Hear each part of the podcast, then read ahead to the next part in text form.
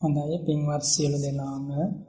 දෑත නලලේ තබා අප සරණ ගිය තුන්දොවක් අනන්ත ගුණ සුවඳින් සුවඳවත් කොට වදාළ දස බලධාරී වූ ਸਰවඥ රාජෝත්තම මහානුභාව සම්පන්න බුදුරජාණන් වහන්සේගේ ශ්‍රී පාද පද්ම අභියස සියලු දෙනාගේම උත්තමාංග নমස්කාරයම වේවා කියලා සාදු කියන්න.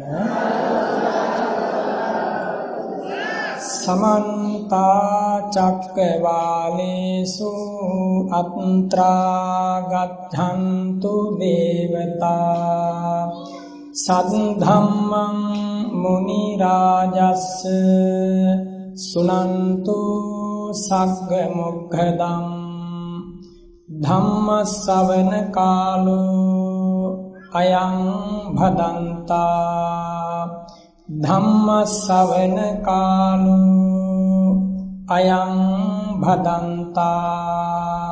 ධම්මස්සවන කාලෝ අයං භදන්තා.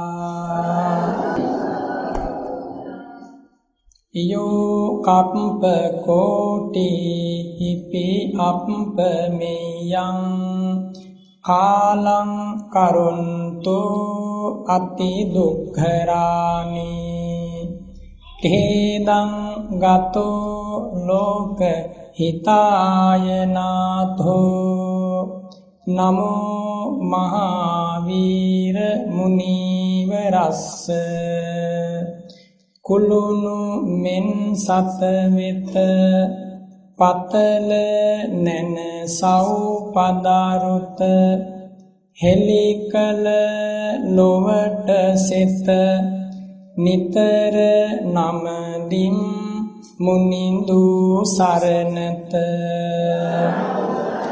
අසම් බුද්ධං බුද්ධ නිසේවිතං යං භවා භවං ගච්ඡති ජීවලෝකෝ නමෝ අවිද්‍යාදි කිලේශ ජාලං විධංසිනෝ ධම්ම වරස්ස තස්ස.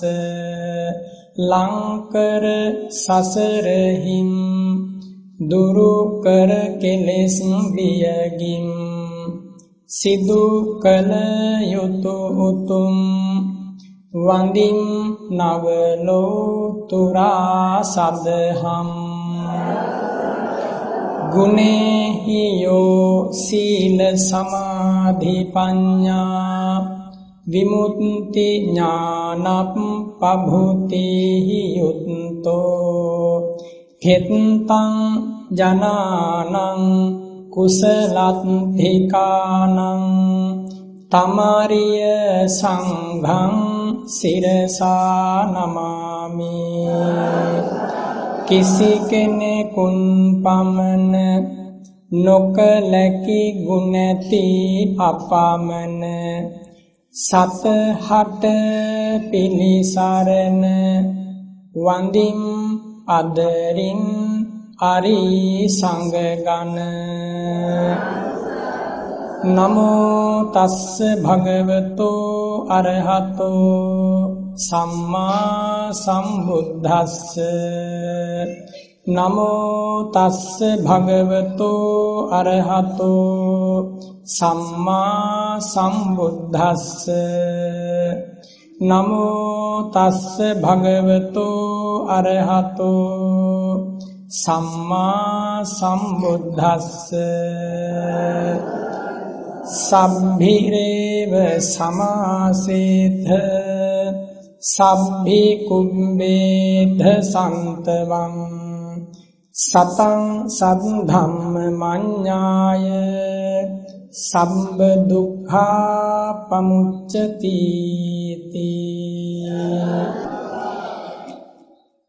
වැඩම කොට වදාළ පානදුර කෙසෙල්වත්ත ශ්‍රී පූර්වාරාමය පිළියන්දල දැල්තර ශ්‍රී සුමනාරාමය යන උභය විහාරාධීපති සුමනසාර සිරි සුමේධ වංශාලංකාර ශ්‍රී සද්ධර්ම ශිරෝමණී විනයාචාර්ය විචිත්‍ර භානක අමරපුර ශ්‍රී සුමංගල කාරක සංඝ සභාවේ කාරක සභික අමරපුර පාර්ශවයේ අධිකරණ මණ්ඩල සමාජික ධර්මකීර්ති ශ්‍රී ශාසන සෝභන බස්නාහිර පලාතේ ප්‍රධාන සංඝනායක ධර්මාචාර්ය සම්මානනායක සුමනසාර දහම් පාසලෙහි ප්‍රධාන ආචාර්ය අවසරයි. දැල්තර ඥානසිරි ලොකු ස්වාමින් වහන්සේ ඇතුළු අතිපූජනීය මහා සංඝරත්නයෙහි සිරිපාපියුම් වන්දනා කරමි. මට මහා සංඝරත්නයෙන් අවසර ලැබේවා. ශ්‍රද්ධාවන්ත පින්වතුනි තුන් ලෝකයකට දම් අමා සැනසෙල්ල ලබා දුන්නේ භාග්‍යවත් වූ බුදුරජාණන් වහන්සේ. හරියට නියං කාලයක මහා වැව් පුරාගෙන වැටුන වර්ෂාවක් වගේ අනන්ත සසරක් පුරාවට රාගගින්නෙන් දවේශගින්නෙන් මෝහගින්නෙන් මානගින්නෙන් කෙලෙස්ගින්නෙන් ඇවිදුන සිත් සතන් සදහටම නිවාලන ධර්ම මහෝගය ලෝ සතුන්ගේ හද සංතානයන්ට වැටෙන්ට සැලස්സുවේ තුන් ලෝකයක් ගිනු බුදුරජාණන් වහන්සේ. එදා මෙදාතුර මිනිස් ඉතිහාසය පුරාවටම සොයා බැලුවත් සැබෑ ගුණයකින් සැබෑ සීලයකින් නොවෙනස් වන මොනම හේතුවකින්වත් නොවෙනස් වන මහා කරුණාවක් හදවතේ දරාගෙන දෙවියන් සහිත ලෝ සතුන් අසරණ වූ මහා සංසාර දුකින් බේරා ගන්නට සතලිස් පස් වසරක් පුරාවට වෙහෙසක් නොබලා දවසකට පැයකුත් මිනිත්තු විස්සක කුඩා කාලයක් මොහොතක් සැතපිලා විවේක අරගෙන සෙසුමුළු කාලයම කැපකොට වදාලේ පරෝපකාරය වෙනුවෙන් ඉතිහාසේ එකම උතුමන් වහන්සේ නමක්. ඒ තමයි අප සරණගිය අපගේ භාග්‍යවත් බුදුරජාණන් වහන්සේ. සැබවින්ම මුලපටන් අගදක්වාම මලින් පිරීගිය සාල වෘක්ෂරාජය කුසේ මුලපටන් අගදක්වාම අතු අතර මලින් පිරීගිය පරසතු පුෂ්ප වෘක්ෂයක්සේ ලෝ සතුන්ට එකහෙලාම ධම් අමාවේ සුවඳ බෙදා දුන්නේ බුදුරජාණන් වහන්සේ. රාගයෙන් ඇවිලගත්ත සිත් සතන් සදහටම නිවාලු බුදුරජාණන් වහන්සේ ද්වේෂයෙන් මෝහයෙන් මානයෙන් පාපයෙන් ඇලලී ගිය ලෝ සතුන්ට සංසාරය දුකක් කියලා මහ කරුණාවෙන් තෝරා දුන්නේ භාග්‍යවත් බුදුරජාණන් වහන්සේ. අද ඔබ සුදෝ සුදු ඇඳුමින් සැරසිලා දෑත නලලේ තබා වන්දනා කරන ඒ තථාගත බුදුරජාණන් වහන්සේ තමයි ලුම්බිනී සාල වනෝද්‍යානයෙන් මේ මහා පොළොවට වැඩම කරපු වෙලාවේ ඒ සිරිපතුල් සිපගන්ට පිළිගන්නට මේ මහා බොල් පොළොව පලාගෙන රත්පියුම් පැන නැගිලා පිළිගත්තා වූ උතුමන් වහන්සේ. මේ මහා පොළව කුඹල් සකක්සේ කම්පා කරමින් මිහි මඩල ගර්ජනා සහිතව රාව නංවමින් තුන් ලෝකයක් සනසන අනුත්තර බුද්ධ රාජ්‍යයට පත් වූ තථාගතයන් වහන්සේ වදාරනවා මහණෙනි නුඹලාත් මමත් අනාදිමත් සංසාර ගමනක තෙරක් කොනක් ඉමක් නොපෙනෙන ඈතක පටන් මහා දුකකට වැටිලයි මෙච්චර දුරක් සංසාරයේ ජීවිතයෙන් ජීවිතයට ඇවිල්ලා තියෙන්නේ. මහණෙනි ඒ උතුම් සත්‍යය මම බුද්ධ ගයාපින් බිමේ වජ්‍රාසනෙහි වැඩ ඉඳගෙන අවබෝධ කරන්නට යෙදුනා ඒ අවබෝධ කරපු ශ්‍රී සද්ධර්මය පරම සත්‍යයක්. ශ්‍රද්ධාවෙන් යුක්තව නුබලා මේ උතුම් ධර්මයට සවන් දුන්නොත් නොබෝ කලකින් මා ලැබූ විමුක්තිය මා ලැබූ උදාර සැනසෙල්ල මා ලැබූ ලෞතුරු අමිල සහනය සුවය නුබලාගේ ජීවිත වලටත් ලැබෙනවා කියන ප්‍රතිඥාවෙන් තමයි මේ උතුම් උදාර මහේශාක්‍ය ධර්මය නික්ලේසී හදමඩලින් උතුරාගිය කරුණාවෙන් සුදු සුදු බුදු රැස් ධාරාවෙන් පැතිරගිය මහනෙල් මල් සුවඳින් යුක්තව ලෝ සතුන්ට දේශනා කොට වදාලේ අදත් ඔබට මේ ඇහෙන්නේ එවන් වූ මිහිරි ශ්‍රී සද්ධර්මයක්. අදත් ඔබට මේ ඇසෙන්නේ එවන් වූ සිතගත නිවාලන පරම ගම්භීර ධර්මයක්.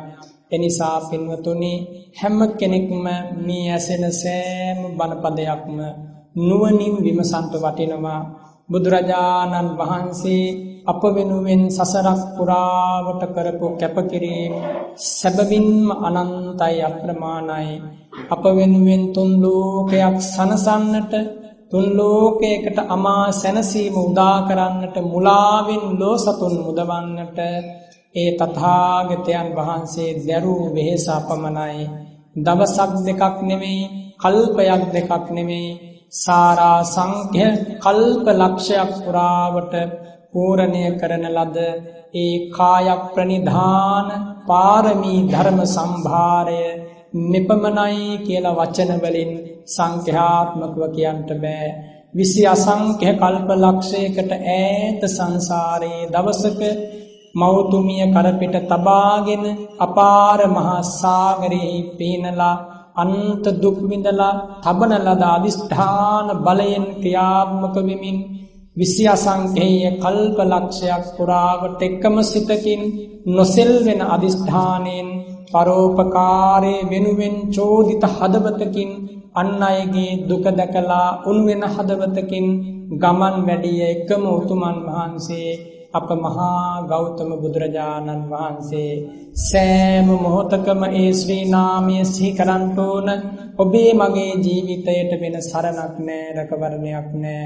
අපි හැමෝම ගිහි පැවිදි මේ සසර ගමන දෙස බලනකොට මහා පුදුමාකාර අසරණ බවකට පත් වෙලා තව නොබෝ දවසකින් ඔය ඉහළ පහළ යන හුස්ම ධාරාව සදහටම නවතිනවා. තව නොබෝ දවසකින් ඔබේ ඔය සිරුර මල කඳක් බවට පත් වෙනවා. පණුවන්ගෙන් ගැවසී ගත්ත. තව නොබෝ දවසකින් ඔය දැස නොපෙනී යනවා. නොබෝ කාලයයි තව ඔබේ සවන් යුගල මේ විදියට බණපදයක් අසන්නට පවතින්නේ මේ විදියට හිතනකොට මේ ජීවිතය කියන්නේ හරියට සිහිනයක් වගේ. සිහිනයකින් බොහෝ දේවල් ඔබත් දකිනවා මාත් දකිනවා. හැබැයි සිහිනය තුල ඉන්න කම්ම දන්නේ නැහැ මේ දකින්නේ සිහිනයක් කියලා. උයන් වතු වැව් පොකුණු ආරාම කඳු වැටි වෙල්යායවත් නොඑක් විදිය පුද්ගලයන් සිහිනයන් තුල මුණ ගැසෙනවා කතා කරනවා අත්දැකීම් ලබනවා. හැබැයි සියල්ලම සිහිනයෙන් නැගී සිටියට පස්සේ කිසි දෙයක් ඉතුරු වෙන්නේ නැහැ අන්න ඒ වගේ මේ ජීවිතය හොඳට මෙනෙහි කරන්න මෙතන ඉන්න ඇත්තෝ කලවයස සැලකිය යුතු ප්‍රමාණයක් ආයු සංස්කාර ගෙවා දමලා ඉන්න ඇත්තෝ හොඳට කල්පනා කරන්න. මව් කුසෙන් බිහි වුණා. දෙපයින් නැගී සිටීමේ වාරුව සවිශක්තිය ලැබුවා. ඉන් අනතුරුව මව් දෙමව්පියන්ගේ උදව්වෙන් මහ පොළවේ නැගී සිටිය දෙපයින්. ඉගෙන කියා ගත්තා ගේ දොර හැදුවා. ආවාහ විවාහ කටයුතු සිද්ධ කළා මුදරුවන් පෝෂණය කළා. දැන් ඔබ කොතනද නතර වෙලා ඉන්නේ? මේක හොඳට මෙනෙහි කරන්න. තව දින ගණනකින් ඔබට ඔය ජීවිතයෙන් සමුගන්න සිද්ධ වෙනකොට ඔබ ඔබේ ජීවිතයේ සැබෑ සැනසීමට මොනවද ඉතුරු කරගෙන තියෙන්නේ කියන මේ කාරණේ අනුස්මරණය කළ යුතුයි සිහි කළ යුතුයි නිරන්තරයෙන්. බුදුරජාණන් වහන්සේ වදාරනවා මහණෙනි ආරම්මන දෙකක් අරමුණු දෙකක් නිරන්තරයෙන් හිතේ තබා ගන්නට ඕන. කුමක්ද ඒ අරමුණු දෙක? එකක් තමයි මහණෙනි මරණ සතිය. සබ්බත්තකං වදාමි මරණ සතින් භික්කවේ. මහණෙනි මේ මරණ සතියේවත් මම මැරෙනවා කියන සිහි කිරීම සෑම මොහොතකදීම සත්වයකට ඒකාන්තයෙන් පුරුදු කළ යුතු ධර්මයක් ලෙසයි බුදු සිරි මුහමඩලින් අවසර ලැබුණේ.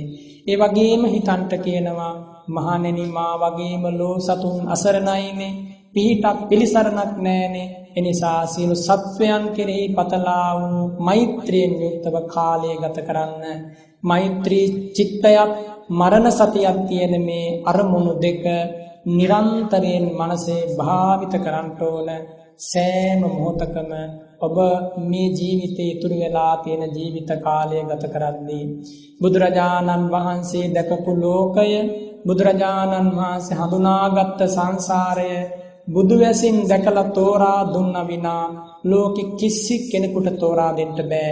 බුදුරජාණන් වහන්සේ වදාරනවා පංචමානි භික්කවේ අලබ්භනීයානි ඨානානි ගහට්ඨේනවා පබ්බජිතේනවා සමනේනවා බ්‍රාහ්මණේනවා මහණෙනි කරුණු පහක් තියෙනවා මේ ලෝකේ ගිහි ඇත්තෙකුටවත් පැවිදි වෙච්ච ස්වාමින් වහන්සේ නමකටවත් ඒ කරුණු පහ එසේ නොවේවා කියලා හිතන්න එපා. එහෙම ලැබෙන්නේ නැහැ. ඒ කරුණු කිසිදාක නුඹලාට මුණ ගැසෙන්නේ නැහැ.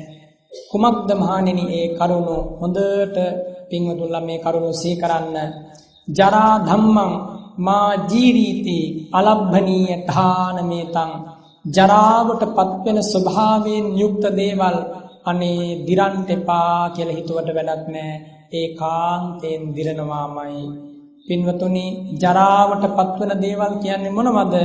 ඔබේ ඔය ශරීරය, මගේ මේ ශරීරය, ඔබේ ඔය ඇස් දෙක, කන් දෙක, නාසය, දිව, කය ඔව තමයි ජරාවට පත්වන ධර්මතා. කෙස් ලොම් නියදත් සම්මස්නහර ජරාවට පත්වන ධර්මතා.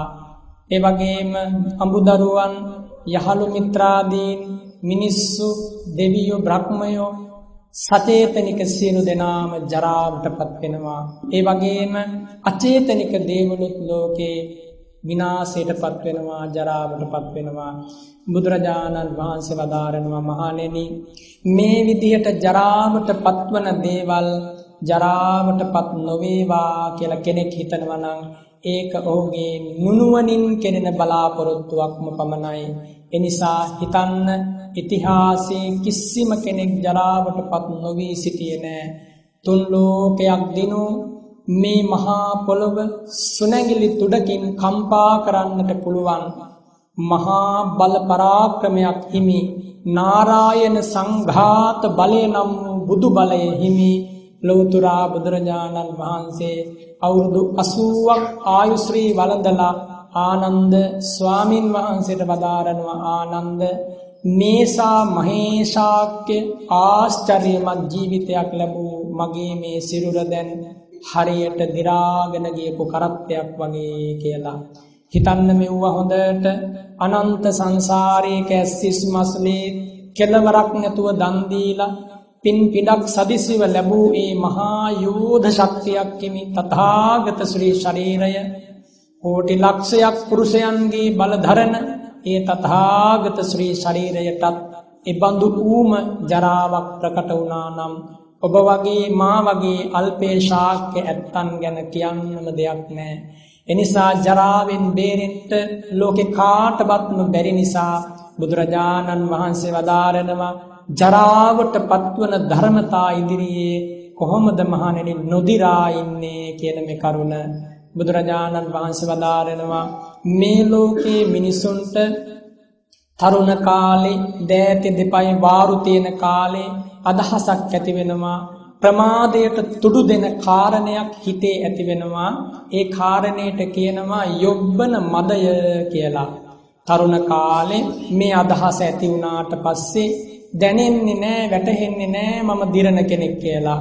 මම වයසට යනවා ජරාවට පත් වෙනවා මේ අතේ පයේ හයිය සවිශක්තිය නැති වෙනවා කියලා එයත් හිතෙන්නේ නෑ. එයත් හිතන්නේ හැමදාකම මේ ජව සම්පන්න බව සැහැල්ලුව ශරීරය ඇසුරු කරගෙන පවතිනමාය කියලා. එහෙම හිතලා එයත් අනේක විද කාය දුෂ්චරිතයන් කරනවා බුදුරජාණන් වහන්සේ වදාරනවා ඒ විදියට ආරු යම්කිසි කෙනෙකුට යොබ්බන මදය ඇති වුණාට පස්සේ එයා වචනයෙන් වැරදි කරනවා කයින් වැරදි කරනවා සිතින් වැරදි කරනවා මොහොතින් මොහොත යාට විවරවන්නේ නිරයද්්වාරයේ අපායට යන දොරටුව ඒ වගේම වදාරනවා යම් කෙනෙක් හිතුවොත් මොහොතින් මොහොත මම ඒකාන්තයෙන් දිරණ කෙනෙක්නේ කියලා. එයාගේ යොබ්බන මදය එහෙම නැත්නම් මම තරුණයිනේ කියන හැඟීම දුරු වෙලා කය ඇසුරු කෙරගෙන කරන වැරදි තියෙනවා ඒවා අඩු වෙනවා ප්‍රහාණය වෙනවා වචනය ඇසුරු කරගෙන කරන වැරදි තියෙනවා ඒවා දුරු වෙනවා ප්‍රහාණය වෙනවා. සිතින් සිද්ධ වෙන අකුසල ධර්මතා තියෙනවා. ඒව ප්‍රහාණය වෙනවා දුරු වෙනවා. බුදුරජාණන් වහන්සේ වදාරනවා මහණෙනි නුබලා කර්මස්ථාන භාවනාවක් ලෙස මෙය නැවත නැවත මෙනෙහි කරන්න. මෙතන ඉන්න සෑම කෙනෙකුටම හොඳ පාඩමක් තථාගත සිරිමෝ මඩලින් ලැබුණ අවසරයක්. එනිසා ඒ විදිහට මෙනෙහි කරන්න. ඉන් අනතුරුව තථාගතයන් වහන්සේ වදාරනවා ව්‍යාධී ධම්මං මා ව්‍යාධී ඊති අලබ්බනීය ඨානමේතං මහණෙනි ලෙඩ වෙන ස්වභාවයෙන් යුක්ත දේවල් ලෙඩ නොවේවා කියන මේ කාරණය ලෝකේ චක්‍රවර්තී රජ කෙනෙකුටවත් ලබන්න බෑ ලෙඩ වෙන මම ලෙඩ වෙන ඔබ අනේ ලෙඩ නොවේවා රෝග පීඩා මගේ ශරීරයට නම් නොවැළඳේවා කියන මේ සත්‍යය ලෝකෙ කාටවත් සත්‍යයක් කරගන්න බෑ. එයින් අදහස් කරන්නේ ලෙඩ නොවී ඉන්න ලෝකේ කාටවත්ම බෑ කියන මේ කාරණය හොඳට හිතලා බලන්න මේ සත්‍යය මේ විදියට හිතුවොත් තමයි තථාගතයන් වහන්සේ වදාළ මේ උතුම් ධර්මය අවබෝධ කර ගැනීමේ මාවත ඔබට මට විවරවන්නේ එනේ උදෙසාම තමයි බුදුරජාණන් වහන්සේ මේ මිහිරි ශ්‍රී සද්ධර්මය දේශනා කොට වදාලේ බුදුරජාණන් වහන්සේ වදාරනවා මහණෙනි ලෙඩ වෙන ධර්මතා කියන්නේ මොනවද? ඔබේ ශරීරය මගේ ශරීරය ඔබේ දුවා දරුවන් මව් දෙමව්පියන් ඥාති හිතවතුන් මිනිස් ලෝකේ ඉන්න මිනිස්සු තිරිසන් ලෝකේ ඉන්න සත්වයෝ මේ සත්වයන් ඒකාන්තයෙන් ලෙඩවීම නම් වූ ධර්මතාවෙන් යුක්තව මිනිස් ලෝකෙට සත්ව ලෝකෙට ආපු අය ලෙඩවීමෙන් බේරිච්ච කෙනෙක් ඉතිහාසයේත් නෑ අදත් නෑ හෙටත් නෑ එනිසා මහණෙනි ලෙඩ වෙන කෙනෙක් නේද කියලා හිතන්ට පුරුදු වෙන්න කියනවා. එහෙම හිතුවේ නැත්නම් කුමක්ද සිද්ධ වන්නේ? බුදුරජාණන් වහන්සේ වදාරනවා එහෙම හිතුවේ නැත්නම් ඒ කෙනාගේ සිතේ ආරෝග්‍ය මදය ඇති වෙනවා කියලා කියනවා. කුමක්ද ආරෝග්‍ය මදය කියලා කියන්නේ මම බොහොම නිරෝගී කෙනෙක් මගේ කයේ බොහොම නිරෝගී ශක්තිය තියෙනවා මම ලෙඩ දුකකට කලාතුරකින්වත් මුහුණ දෙන කෙනෙක් නෙමෙයි මේ ආදී වශයෙන් නිරෝගී කම ගැන හිතේ මාන්නයක් අහංකාරකමක් ක්ලේශයක් ඇති වෙනවා. එය එනිසාම ඔහු මොකද කරන්නේ? අනේක විද වැරදි සිද්ධ කරනවා කයෙන් වචනයෙන් සිතෙන්. අවසානයේ කුමක්ද සිද්ධ වන්නේ? නිරයේ යන තිරිසම් പ്രേත ලෝකේ වැටෙන ద్వාරේ විවර කර ගැනීම. එනිසා මහ කරුණාවෙන් වදාරනවා. එහෙම හිතන්න එපා. හිතන්න ලෙඩ වෙන කෙනෙක් කියලා. එයම කර්මස්ථාන භවනාවක් වෙනවා. හිතේ කෙලෙස් අඩු වෙනවා. පවුමල අකුසල ධර්මතා ප්‍රහාණය වෙනවා. සිත පිරිසුදු වෙනවා. එහෙම හිතනකොට බුදුරජාණන් වහන්සේ වදාරනවා මරණ ධම්මං මා මී ඊති අලබ්බනීය ධානමේතං මැරෙන ස්වභාවයෙන් යුක්ත මම අනේ නොමැරේවා කියලා හිතනවා නම් ඒක ලෝකේ කාටවත් සිද්ධවන්නේ නැහැ. ඔබ මා නෙමෙයි මේ ලෝකේ මහා අධිපතිත්වයෙන් රජකම් කරපු චක්‍රවර්ති රජදරුව පවා අවුරුදු 80000 90000 ඇතැම් විට ලක්ෂ ගණන් ජීවත් වෙලා අවසානයේ කලුරිය කළා. හැඬු කඳුලින් කලුරිය කළා. මහා සැප සම්පත් අස්පනා පිට නැති වෙලා ගියා. ඓශ්චර්යය යසයිසුරු රූප සම්පත්තිය මේ සියල්ල මාහවර වුණා. මේ මහා භද්‍රකල්පය ආරම්භ වෙච්ච කාලේ මේ ලෝකයට රජ කළා මහා සම්මත නම් වූ චක්‍රවර්ති රජ කෙනෙක්. ඒ මහා සම්මත නම් වූ චක්‍රවර්ති රජතුමා පවා දි รา ගියා වයසට ගියා මරණයටපත් වුණා. ඒ උතුමන්ගේ වයස අවුරුදු 100ක් එම නෙමෙයි. 1000ක් 2000ක් ලක්ෂයක් නෙමෙයි. අවුරුදු අසංඛේය දක්වා පරමායුෂ තිබ්බ කාලේ ජීවත් වෙච්ච මිනිසුන්ගේ ජීවිත පවා අවසානයේ අලු දූවිලි බවට පත් වෙලා මේ මහා පොළවේ නැසී වෙනසී නොපෙනී ගියා නම් අපි වගේ අවුරුදු 50කට 60කට උපරිම වුණොත් 70ක් 80කට ජීවත් වෙන අයගේ ජීවිතය ගැන කොච්චරනම් අවිනිශ්චිතයිද? මෙහෙම හිතනකොට තමයි ජීවිතය කියන්නේ මොකක්ද කියලා වැටහෙන්නේ. මේක මහා විහිළුවක් නේද කියලා තේරෙන්න නම් මේ විදිහටම කල්පනා කරන්න ඕන. බුදුරජාණන් වහන්සේ උගන්වා වදාළ අයුරින් ජීවිතය දිහා බැලුවොත් කවදාකවත් එයාට වරදින්නේ නැහැ. කෙලෙසුන්ගෙන් සිත ආවරණය වන්නේ නැහැ. පව් මලයෙන් සිත අපිරිසිදු වන්නේ නැහැ. පාරිශුද්ධ හදවතක් ඇති වෙනවා. බුදුරජාණන් වහන්සේ වදාරනවා මැරෙන කෙනෙක් නේද කියන මේ සංකල්පනාව මරණ සති භාවනාවක් ලෙස සිද්ධ කරනකොට නුදුන් දානයන් දෙන්න සිත පහළ වෙනවා. නොරකින ලද සීලයන් රැකගන්න ඕන කියන මේ අදහස පහළ වෙනවා. නොවැඩූ භාවනාවක් වඩන්ට ඕන කියන මේ සිත පහළ වෙනවා. ඒ හරිම පුදුමයි. බුදුරජාණන් වහන්සේ ලෝකයට දායාද කළ මේ මහා පුදුම අසිරිමත් ශාන්ත සුවදායක චින්තනය වෙන ලෝකෙ කාටවත් දායාද කරන්නට බැරි වුණා.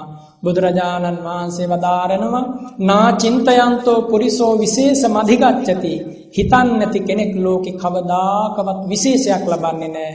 ඒ නිසා මේ ධර්මය මෙසේනම් මීට හේතුවක් තිබිය යුතුයි ආදී වශයෙන්.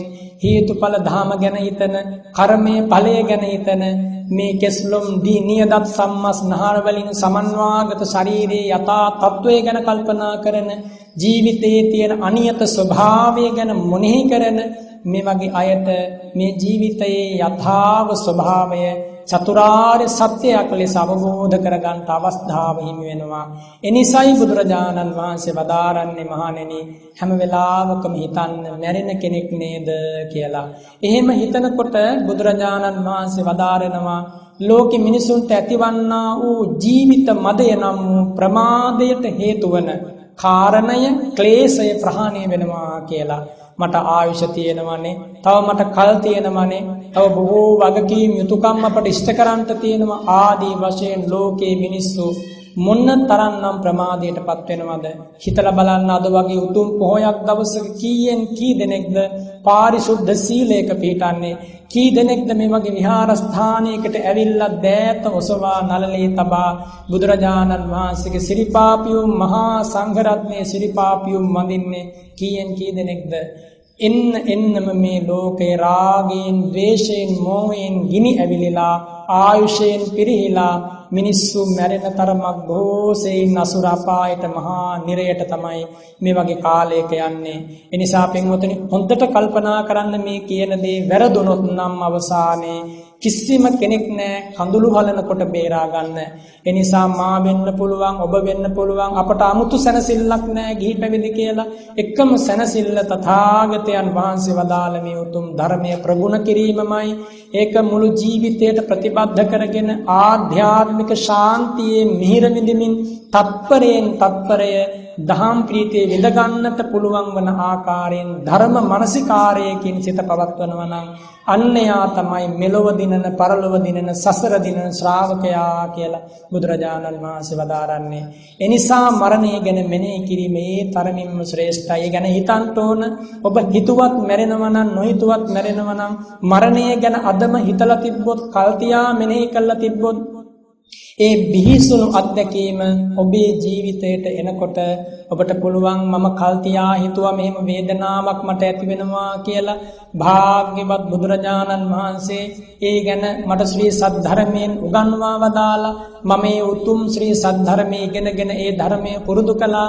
එනිසා මේ මාරාන්තික වේදනාවේදී පවා මම සිත වෙනස් වෙන්න දෙන්නේ නැතිව ලෝභයට, ද්වේෂයට, පාපයට යන්න දෙන්නේ නැතිව මම හිත රැක ගන්නවා කියලා කුසලාරම්මණයක තදින්ම හිත පිහිටුවලා මරණය පවා ජය ගන්නට ඔබට අවස්ථාව එළඹෙනවා. මේ විදිහට කල්පනා කරනකොට එනිසා පින්වතුනි හිතන්න අතීත ජීවිත ගත කරපු ඔබ බොහෝම කල්පනාවෙන් බොහොම අර පරිස්සමින් ඒ ජීවිත හටනට මුහුණ දුන්නා. පෙර ජීවිතේ ගත්තොත් ඔබ ජීවිතයෙන් සමුගත්ත වෙලාවේ හොඳට හිත රැකගත්තා අකුසලයකට එන්න දුන්නේ නැහැ ලෝභයට ද්වේෂයට කෙලස් ධර්මවලට එන්න නොදී හිත රැකගත්ත නිසාම මරණාසන්න චිත්ත වීදීන්ට ඊ타මත්ම පින්බර අරමුණක් එළඹ සිටි නිසාම ඒ තත්වයෙන් හිත පරිස්සම් කරගන්නට හැකිවීම නිසාම ඒ මාරාන්තික වේදනාව ඉදිරියේ පවා ඔබ බොහෝම ඉවසීමෙන් හිත රැකගත්ත නිසාද manuss ලෝකෙට ඇවිල්ලා. ඒ වුණාට ඔබත් එක්ක හිටපු කී දෙනෙක් නම් මේ වෙලාවේ මේ මහා පොළව යට අට මහා නිරයන්හි පසුපත් නිරයන්හි මේ මොහොතේ පවා පැසෙනවද?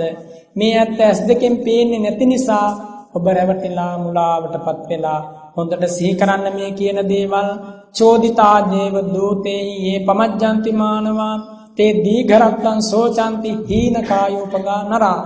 යම් කිසි කෙනෙක් මේ වදාරන උතුම් බුදු බණ පදේ ගැන සැකයක් සංකාවක් ඇති කරගත්තොත් එයාට බොහෝ කාලයක් දුක් විඳින්න සිද්ධ වෙනවා. ඒ අවිශ්වාස කිරීම කියලයි බුදුරජාණන් වහන්සේ දේශනා කොට වදාළේ. එනිසා පින්වතුනි බුදුරජාණන් වහන්සේගේ සිරි මුව මඩලින් වදාළ එකම බණපදයක්වත් වෙනත් ආකාරයකින් සිද්ධවන්නේ නැහැ. වදාළ ආකාරයෙන්මයි සිද්ධවන්නේ. ඒ ආකාරයෙන්ම සිද්ධවන නිසා තථාගතයන් වහන්සේ වදාරනවා මහණෙනි මගේ මේ දේශනාව ශ්‍රද්ධාවෙන් අදහා ගන්න නුඹට ප්‍රත්‍යක්ෂයක් වෙනව යම් දවසක මා මේ ප්‍රකාශ කරන ධර්මය. ඒ තාක් ඔබ මේ ධර්මය අදහා ගන්න විශ්වාස කරන්න. ඉන් අනතුරු ඔබටම වැටහේවි. ඒ භාග්‍යවතුන් වහන්සේ වදාලේ මගේ ජීවිතය ගැනනේ. මේ සත්‍යය මට මෙච්චර කාලයක් වැටහුණේ නෑනේ. අදනේ මම මේ උතුම් සත්‍ය දැකගත්තේ කියන මේ නික්ලේසි උදානය ඔබේ හදවතින් උතුරා පැන නැගිලා මේ ගුවන් තලයට යම් දවසක මුහු වෙනවද? අන්න ඒ මොහොත දක්වා ඉවසීමෙන් ශ්‍රද්ධාවෙන් මේ ධර්මය පුරුදු කරන්න කියලයි බුදු කරුණාවෙන් ඔබට මට අමාමේනියන් වහන්සේ යයි කිව යුතු බුදුරජාණන් වහන්සේ දේශනා කොට වදාළේ එනිසා සෑම මොහොතකම ඒ උතුම් විශ්වාසය මේ උතුම් ධර්මයේ පිළිබඳව පිහිටවන්නට ඕන. ඉන් අනතුරුව බුදුරජාණන් වහන්සේ වදාරනවා මහණෙනි සිතන්ට ඕන කාරණයක් තියෙනවා මොකක්ද ඒ කාරණය? මම ජරාවට පත්වෙන කෙනෙක් කියලා හිතුවා ලෙඩ වෙන කෙනෙක් කියලා හිතුවා මැරෙන කෙනෙක් කියලා හිතුවා ඉන් අනතුරුව දේශනා කරනවා සබ්බේහි මේ පියේහි මනාපේහි නානා භාවෝ විනා භාවෝ ප්‍රියමනාප සියලු දේවල් වලින් මට වෙන් වෙන්න සිද්ධ වෙනවා. ප්‍රියමනාප දේවල් හැමදාකම ලං කරගෙන වෙනස් නොවි ළඟම තබාගත් කෙනෙක් ඉතිහාසයේ කවරදාකවත් හිටියේ නැහැ අදත් නැහැ අනාගතේත් නැහැ ප්‍රියමනාප සියලු දේවල් වලින් වෙන් වෙන්න සිද්ධ වෙනකොට ඇතැම් වෙලාවට සෝතාපන්න ආර්ය ශ්‍රාවකයන්ට පවා ඇස් දෙකට කඳුළු වෙනවා. මට මතක් වෙනවා මේ වෙලාවේ එක කතාවක් භාග්‍යවත් බුදුරජාණන් වහන්සේ දෙව්රම් වන අරණ සුදු බුදු රැස් ධාරාවෙන් ෂඩ්වරණ බුද්ධ රශ්මි මාලාවන්ගෙන් ආලෝකමත් කරගෙන වැඩ හිටපු කාලේ අනාථබින්දික සිටුතුමා වගේම විශාකා මහා උපාසිකාව දිනපතා දෙදහසක් ස්වාමින් වහන්සේලාට තම තම තම නිවෙස්වල ප්‍රනීත ලෙස දන් පැන් පූජා කරනවා. විශාකාවත් අනාථ පින්ඩික සිටුතුමාත් කියන මේ දෙපළ තරම් ඉතිහාසයේ දන් දුන්න කෙනෙක් නැති තරම් ඒ වෙනුවෙන්ම කල්ප ලක්ෂ ගණනක් පාරමී ධර්ම පුරලයි. ඒ උතුමෝ තථාගතයන් වහන්සේ වෙනුවෙන්ම මේ මහා පොළොවට පහළ වුණේ. අනාථ පින්ඩික සිටුතුමා විශාකා මහා උපාසිකාව කියන ඒ ශ්‍රී නාමයන් අද පවා අපි සිහි කරනවා. ඒ උතුමන් වහන්සේලා මේ මොහොතේ පවා දිව්‍ය ලෝකවල මහා පුදුම සැප සම්පත් විඳිමින් අහෝ මට බුදුරජාණන් වහන්සේගේ සරණ ලැබුණා කියලා සැනසෙනවා. මට ධර්ම රත්නේ පීඨ ආරක්ෂාව ලැබුණා කියලා සැනසෙනවා. අද පේනම ඇති අනාථ පින්ඩික සිටුතුමාට විශාකාවට පූර්වාරාමේ අලු දූවිලිවත් අද නැති වෙලා දෙව්රම් විහාරයේ ඉදිකරපු ඒ සුවඳ කුටියේ අලු දූවිලිවත් අද නෑ නැති වෙලා ගිහිල්ලා. ඒ සිටු මාලිගාවන් අද නැත්තටම නැති වෙලා. ඒ උතුම දකින්න ඇති එදා තථාගතයන් වහන්සේ වදාළ සත්‍ය මොනතරම්ද බාහිර ආපෝ ධාතුව පඨවි ධාතුව තේජෝ වායෝ ධාතුව කියන මේ සතර මහා භූත මේ අයුරින් වෙනස් වෙලා යද්දී ආධ්‍යාත්මිකයයි කිය යුතු සතර මහා භූතයන් වෙනස් වෙනවා කියන එක ගැන අහන්නම දෙයක් නෑ. එනිසා බුදුරජාණන් වහන්සේගේ ධර්මයේ ප්‍රීතිය ඒ අත්තු හැමදාකම විඳිනවා. අනාථ පින්ඩික සිටුතුමා තම නිවසේ නැති වෙලාවට තම නිවසට වඩින මහා සංඝරත්නයට බුදුන් ප්‍රමුඛ දන් පැන් පූජා කිරීමේ කටයුතු බාර දුන්නේ චුල්ල සුබද්දා නම් වූ කුමාරිකාවට ඇය බොහෝ කාලයක් තම සිටු මාලිගාමේ දන් පැන් පූජා කිරීමේ කටයුතු බොහෝම ගෞරවයෙන් පිය සිටුතුමා වගේම අපමණ ශ්‍රද්ධාවකින් සිද්ධ කළා. උදේ හවා බුදුරජාණන් වහන්සේ දකින්ට ලැබෙනකොට මහරහත් උතුමෝ දකින්ට ලැබෙනකොට උතුරා යන ශ්‍රද්ධාවක් කාටද ඇතිනවන්නේ? චුල්ල සුභද්දාව සංඝ දර්ශනයෙන්ම බුද්ධ දර්ශනයෙන්ම සදහම් ඇසීමෙන්ම නොබෝ කලකින් සෝතාපන්න ආර්ය ශ්‍රාවිකාවක් බවට පත් වෙලා සිටු කුලයකට විවාහ වෙලා යන්න ගියා.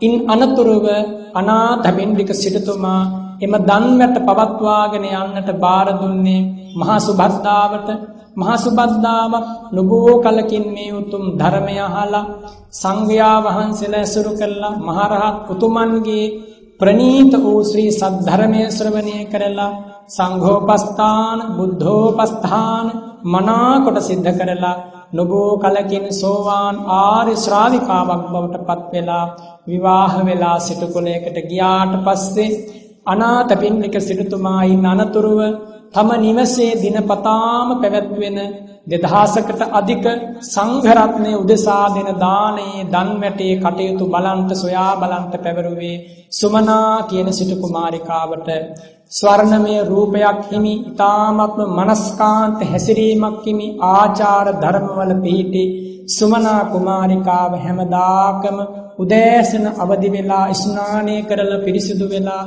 තම සේවකයන් දන් පැන් උයන දෙස හොඳට විමසමින් බලලා අසුන් පනවන හැටි බලලා ඒ වගේම කැවිලි පළතුරු ආදී සියලු දේවල් සකස් කරලා අසවල් දේ අඩුවට තියෙනවා අඩුපාඩුයි කියලා කිසි දෙයක් අඩු කරන්නේ නැතිව ඒ දන්වට මනාව සකස් කරලා ඉන් අනතුරුව බුදුරජාණන් වහන්සේගේ ශ්‍රී සද්ධර්මය ශ්‍රවණය කරලා ඒ සුමනා කුමාරිකාව සකදාගාමි ආර්ය ශ්‍රාවිකාවක් බවට පත් වුණා. සකදාගාමි ආර්ය ශ්‍රාවිකාවක් බවට පත්වීමෙන් අනතුරුව උතුරාගිය ශ්‍රද්ධාව වඩාත් උතුරා යන ශ්‍රද්ධාවක් බවට පත් වුණා. සෑම මොහොතකම සිතේ එකම අරමුණයි බුද්ධාලම්බන ප්‍රීතිය බුදුරජාණන් වහන්සේ. ධම්මාලම්බන ප්‍රීතිය ශ්‍රී සද්ධර්මයමයි මෙනෙහි කරන්නේ. සංඝාලම්බන ප්‍රීතිය මහා සංඝරත්නයමයි සෑම මොහොතක්ම සිතේ මෙවිලා පේන්නේ. මේ සුමනා කුමාරිකාව එක දවසක් දන් පැන් පූජා කරලා චිත්ත ප්‍රීතියෙන් සිරිසයනේ ඉන්නකොට හදිසි ආබාධයකින් කලුරිය කරන්ට මාරාන්තික වේදනාවක් ඇති වුණා. මාරාන්තික වේදනාව ඇති වුණාට පස්සේ පණිවිඩයක් යවනවා සේවකයෙකු අතේ මගේ පිය සිටුතුමාට වහාම එන්න කියන්න. සිටතුමා තකහනියක්ම සුමනා කුමාරිකාවගේ සිරියහන් ගැබට ඇතුළුනාට පස්සෙ සුමනා කුමාරිකාව ගෙන් අහනවා දුව ඇයි ඔය විදිහට වැතිරිලා ඉන්නේ? ඒ වෙලාවෙ සුමනා කුමාරිකා ප්‍රකාශ කරනවා කුඩා සොහයුර මම ආබාධයකින් පසු වෙනවා.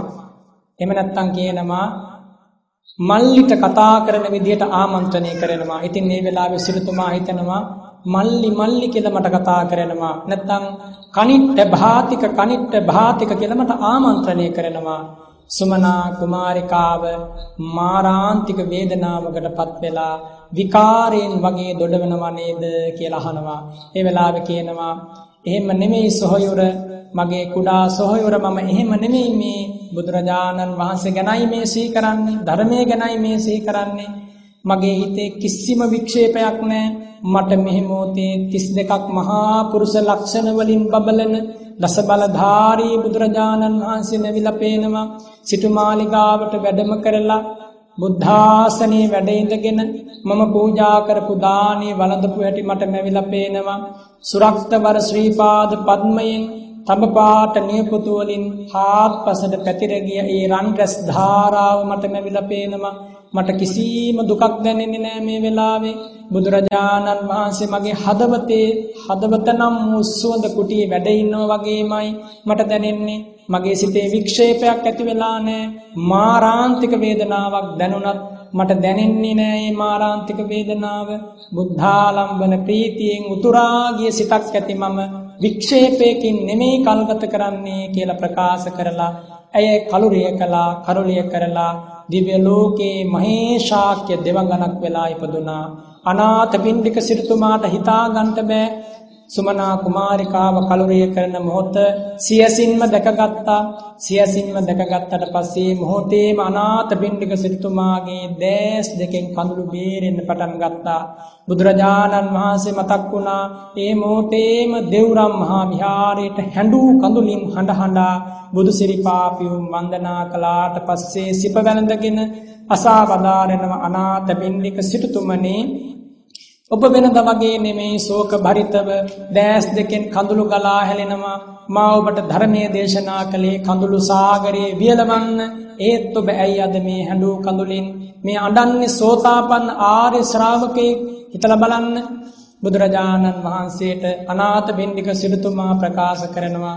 අනේ බලන්න ස්වාමීනි මගේ මුළු සිටු මැදුරටම මිනි පහනක් වගේ ජීවත් වෙච්ච මගේ සුමනා කුමාරිකාව හදිසියේම කලුරිය කළා. දන් වැටට එලියක් වුණේ මගේ සිටු කුමාරිකාව. හැමදාකම මා වෙනුවෙන් තථාගතයන් වහන්සේට දන් පැන් පූජා කළා. මිහිරි වචනයෙන් හැම කෙනෙකුටම ආමන්ත්‍රණය කළා සැලකුවා. බොහොම පිරිසිදු ලෙස සිටු මාලිගාව තබා ගත්තා. හැමෝටම කරුණාව දැක්වුවා. සේවකයන්ට වැඩ කරන අයට දසි දැස්සන්ට පවා කරුණාවෙන් ආමන්ත්‍රණය කළා. මේසා අසිරිමත් චරිතයක් කිමි ලස්සන ජීවිතයක් කෙමි පිරිසිදු බ්‍රහ්මචරියාවක් රැකපු සුමනා කුමාරිකාව අකාලයේ කලුරිය කලානේ ස්වාමීනි ඒ දුක මට දරා ගන්න බෑ වාව ගන්න බෑ. එනිසායි ස්වාමීනි මේ කඳුළු ධාරා ගලා එන්නේ. එහෙම ප්‍රකාශ කළාට පස්සේ බුදුරජාණන් වහන්සේ වදාරනවා සිටුතුමනි ඔබ හඬන්ට එපා. ඒ සුමනා කුමාරිකාව කලුරිය කරන මොහොතේ චිත්ත වික්ෂේපයකින් නෙමෙයි බුද්ධාලම්බන ප්‍රීතියෙන් ඇය ගත කළේ. එහෙනම් ඒ ස්වාමීනි මට කුඩා සොහයුරාණෙනි කියලා ආමන්ත්‍රණය කළේ. ඒ වෙලාවේ තථාගතයන් වහන්සේ වදාරනවා සිටුතුමනි ඔබ සෝතාපන්න ආර්ය ශ්‍රාවකේ ඔබේ දියණිය සුමනා කුමාරිකාව සකදාගාමී ආර්ය ශ්‍රාවිකාවක් සකදාගාමි ආර්ය ශ්‍රාවිකාවක් සෝතාපන්න ආර්ය ශ්‍රාවකයෙකුට හෝ ශ්‍රාවිකාවකට වඩා ශ්‍රේෂ්ඨ ස්ථානයකට පැමිණි කෙනෙක් කෙලෙසුන් ප්‍රහාණය කරපු කෙනෙක්. එනිසා ඒ කාරණේ නිමිති කරගෙනයි ඒ ගැන ඔබට කියා දෙන්නයි ඒ සුමනා කුමාරිකාව මල්ලී කියලා ඔබට ආමන්ත්‍රණය කළේ. ඒ වෙලාවේ බුදුරජාණන් වහන්සේගෙන් අහනවා අනේ ස්වාමීනි දැන් මගේ සුමනා කුමාරිකාව සුමනා දියණිය කොහෙද ඉපදලා තියෙන්නේ? බුදුරජාණන් වහන්සේ වදාරනවා සිරිතුමනි මේ වෙලාවේ අය දිව්‍ය ලෝකේ මහේශාක්‍ය දෙවඟනක් වෙලා අප්‍රමාණ ප්‍රීතියකින් කාලය ගත කරනවා. ඒ වෙලාවේ සිරිතුමා ප්‍රකාශ කරනවා අනේ ස්වාමීනි ඔබ වහන්සේගේ ශාසනය නම් හරීම අසිරිමත්. මේසා මහත් ශාන්තියක් මගේ දියණියට මගේ පවුලට මගේ ගමට රටට ලෝකයට ලබා දුන්. ඔය සිරිපාපියුම් අභියසමාගේ උත්තමාංග নমස්කාරයම වේවා කියලා සිටුතුමා වන්දනා කළා. ඒ මොහොතේදී බුදුරජාණන් වහන්සේ ශ්‍රී මුඛ පද්මය විවර කරලා දේශනා කරනවා. ඉද නන්දති පෙච්ච නන්දති කත පුඤ්ඤෝ උභයත්ත නන්දති පුඤ්ඤම් මේ කතන්ති නන්දති භීයෝ නන්දති සුගතින් ගතෝ සිටුතුමනි පින්දස් කරපු කෙනා මේ ලෝකෙ හැමදාම සතුටු වෙනවා. ඒ වගේම මරණින් මත්තෙත් සතුටු වෙනවා. අනේ මගේ ජීවිතය අහක ගියේ නෑනේ. බුදුරජාණන් වහන්සේ මට මුණ ගැසුණනේ ධර්මයේ සංඝරත්නය බුදුසසුන මට මුණ ගැසුණනේ කියලා. ඔහු හැමදාකම සතුටු වෙනවා. එනිසා සිටුතුමනි කළ පින පමණයි අවසානයේ සැනසීම. හිතන්න පැවිද්දන්ටත් සිටුතුමනි ගිහියත්තන්ට වගේම දෙවියන්ට බ්‍රහ්මයන්ට වගේම සෑම උපන් සත්වයකුටම සැබෑ පිහිටක් ආරක්ෂාවක් සොයාගෙන යන ගමනේදී උපකාරානි පුඤ්ඤානි පිනමයි උපකාර වන්නේ. එනිසා අප්‍රමාදි වන්න කියලා සිරිතුමාගේ සිත සනසා වදාලා. පින්වතුනි මේ කතාව මම මතක් කළේ ප්‍රියමනාප සියලු දේවල් වලින් ඔබට මට වෙන් වෙන්න සිද්ධ වෙනවා කියන එක ඒකාන්ත සනාතන ධර්මයක් වෙන් වෙන්න සිද්ධ වුණාට පස්සේ ආර්ය ශ්‍රාවකයන්ට පවා ඇතැම් වෙලාවට ඇඬුණා නම් කඳුළු බේරුණා නම් ඔබටත් මටත් නොහඬා ඉඳ ලැබෙන්නේ නැහැ. ඒ නිසා මේ කරුණ හොඳට සිහි කරන්න අඬන දවසේදී වැළපෙන දවසේදී කවුරුවත් ළඟ නැහැ ඔබේ කඳුළු පිස දාන්න. ඒ අසරණ බවටපත් වෙන්න එපා. ඒ අසරණ බවින් නැගී සිටින්නයි මේ උතුම් ධර්මය ඔබට ඇහෙන්නේ. ධර්මය ඔබ අස්වන්නේ බුදුරජාණන් වහන්සේ වදාරනවා ඒ විදිහට හිතනකොට ප්‍රියමනාප සියලු දේවල් වලින් මට වෙන් වෙන්න සිද්ධ වෙනවා කියලා ඔහුගේ ජීවිතයේ කෙලෙස් ඇති වෙන තැනක් නැති වෙනවා කියලා. ඒ කියන්නේ ප්‍රියමනාප පුද්ගලයන් පිළිබඳව ඡන්ද රාගය, ගේහසිත ප්‍රේමය, ආදරය, අනුකම්පාව, සෙනෙහස මෙව ඇති වුණාට පස්සේ සරාගයෙන් රාගයෙන් කෙලෙස් වලින් මිශ්‍ර වුණාට පස්සේ ඔවුනෝන් බැඳෙනවා වෙලෙනවා පැටලෙනවා ආදරය කරනවා ප්‍රේම කරනවා. අවසානයේ සදාතන කඳුලක් උරුම වෙලා ජීවිත වලින් සමුගන්නවා. හිතලා බලන්න අද මේ දේවල් සිද්ධ වෙන්නේ නැද්ද? හැඬු කඳුලින් වෙන වෙන අය තමයි මේ ලෝකේ සුවිශාල වශයෙන් පෙනෙන්නේ දකින්න තියෙන්නේ මේක සත්‍යක්මයි එනිසා බුදුරජාණන් වහන්සේ වදාරනවා ප්‍රියමනාප අයගෙන් ප්‍රියමනාප දේවල් වලින් වෙන් වෙන්න සිද්ධ වෙනකොට කල්තියාම හිතලා තිබුණොත් මේ ප්‍රිය දේවල් ලං වෙනවා. අසාතං සාත රූපේන පිය රූපේන අප්පියං දුක්ඛං සුඛස්ස රූපේන පමාදමති වත්තති හිතලා බලන්න. ජීවිතයට ලස්සන දේවල් වල ලස්සන දේවල් හැටියට මිහිරි දේවල් හැටියට ආස්වාද ජනක දේවල් හැටියට බොහෝ දේවල් ලං වෙනවා. හැබැයි ඒ ලං වෙන සෑම දෙයක්ම කඳුලක් දුකක් අපට ලබා දීලා අපෙන් ඉවත් වෙලා යනවා. එනිසාම වදාරනවා මිහිරි දේවල් මහණෙනි මිහිරි වේසෙන් ජීවිතයට ලං වෙන්නේ. දුක් උපදවන දේවල් සැපසහගත විලාසයෙන් ජීවිතයට ලං වෙන්නේ. කඳුල විලාපය ලතැවුල සංతాපය ශෝකය උරුම කරන දේවල් මිහිරි වේසෙන් ජීවිතයට ලං වෙනකොට මිනිස්සු මුලා වෙනවා. ඒ විතරක්ද දෙවියෝ මුලා වෙනවා බ්‍රහ්මයෝ පවා මුලාවටපත් වෙනවා. එනිසා ඔබ අප ගැන හිතන්නම දෙයක් නැහැ ඒ මුලාවේ මහත කොච්චරද කියනවනම් බුද්ධ ශාසනයකින් බුදුබණ පදයකින් ලැබෙන දම් අමාව විඳගන්නේ හදවත් තුළ නිදහසක් නැහැ ලෝකයට සලකන්ට වගකීම් ඉටු කරන්න යුතුයකම් ඉටු කරන්න පරෝපකාරය සිද්ධ කරන්නට කියලා බොහෝ දෙනා සැදී පැහැදී කටයුතු කරනවා. අවසානයේ ආත්මාර්ථයෙන් පිරිහිලා උභයාර්ථයෙන්ම පිරිහිලා මරණින් මත්තේ නිරයේ ගිහිල්ලා වැටෙන කම්ම තේරෙන්නේ නැහැ එනිසා ඒ தത്വෙට අසරණ වෙන්න නෙමෙයි මේ ධර්මයේ දේශනා කරන්නේ. බුදුරජාණන් වහන්සේගේ මහ කරුණාධාර ගලාගෙන ආවේ. අපි සෑම කෙනෙකුටම තියෙන මේ මහා දුක් විපත සදහටම සනාතනව නිවා දමන්ත නිසා මේ කරුණ ගැන නැවත නැවත සිහි කිරීමේ කාන්තෙන් වටිනවා. එනිසා බුදුරජාණන් වහන්සේ වදාරනවා අනේ මගේ ප්‍රියමනාප සියලුම දේවල් මගෙන් වෙන් වෙනව නේද කියලා කල් තියාම හිතලා ඊට මනස සූදානම් කරගන්න සිත සූදානම් කරගන්න. එතකොට වෙන් වෙන වෙලාවේ දුකක් කඳුලක් නැතුව සමුගන්ට පුළුවන් වෙනවා. බුදුරජාණන් වහන්සේ ළඟට වදාරනවා කම්මස්ස කෝම්මි කම්ම දායාදෝ කම්ම යෝනි කම්ම බන්ධූ කම්ම පටිසරණෝ හිතන්ට කාරණයක් කර්මය දායාද කරගෙනමයි මම මේ ලෝකෙට ඇවිල්ලා තියෙන්නේ. කර්මය ඥාතියා කරගෙනනේ මම මේ ලෝකෙට ඇවිල්ලා තියෙන්නේ. ඔබ අද මේ manuss ලෝකෙ දෙපයින් සිටගෙන ඉන්න හේතු වන ධර්මතාව එහෙම නැත්නම් මිනිස් ලෝකෙට ඔබ රැගෙන ආවේ අදෘශ්‍යමාන බලවේගයකින්, දේව නිර්මාණවාදයකින්, මෞම්වාදයකින්, භ්‍රමවාදයකින් නෙමෙයි ඔබ පෙර ජීවිතයේ පෙර ජීවිතවල රැස් කරපු කුසලාභී සංස්කාරය මුල් කරගෙන මේ ජීවිතේ කුසල් කුසලමය වශයෙන් කුසල් විපාක සිතකින් ප්‍රතිසන්දි සිතකින් කුසල් විපාක ප්‍රතිසන්දි සිතකින් මනුස්ස ලෝකෙට ආවා. හේතුඵල ධමයක්මයි කර්මය සම්පූර්ණ වුණා විපාකේ ලැබුණා.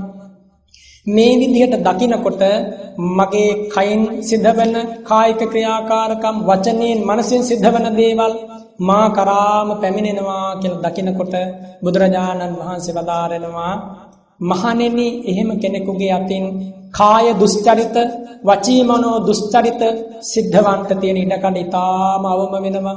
එනිසා මහණෙනි ඒ විදිහට හිතන්න පුරුදු වෙන්න එහෙම හිතනකොට සිත සැහැල්ලු වෙනවා. කය සැහැල්ලු වෙනවා ජීවිතේම නිමී යනවා අනන්ත බුදු ගුණේ වැටහෙන්න පටන් ගන්නවා මුලාවෙන් අත මිදෙනවා හිතේ තියෙන නීවරණ ධර්ම යටපත් වෙනවා කාම උමතුවෙන් හිත නිදහස් වෙනවා රාග ద్వේෂ උමතුවෙන් හිත නිදහස් වෙනවා නිදහස් වූ උපශාන්ත මනසක මිහිරි වින්දනය ලබන්න නම් කල යුතු වන්නේ එකම දෙයයි කුමක්ද? මේ විදිහට මගේ මේ ජීවිතේ හේතුඵල ධමකින්ම සකස් වූ දෙයක් නේද කියලා හිතන එක. ඒ විදිහට හිතන්න කියන්නේ සත්‍යයක් නිසාමයි සත්‍යය දෙස සත්‍යයට විවර කරපු මනසක් කිසිදාක පිරිහෙන්නේ නැහැ. සබ්බ රසං සියලු රසයන් අතර ධම්ම රසය දිනනවා කියලා වදාළේ කුමක් නිසාද? මේ සත්‍ය අවබෝධ කරපු කෙනෙකුට ලෝකේ වෙන රසවත් දෙයක් නැහැ.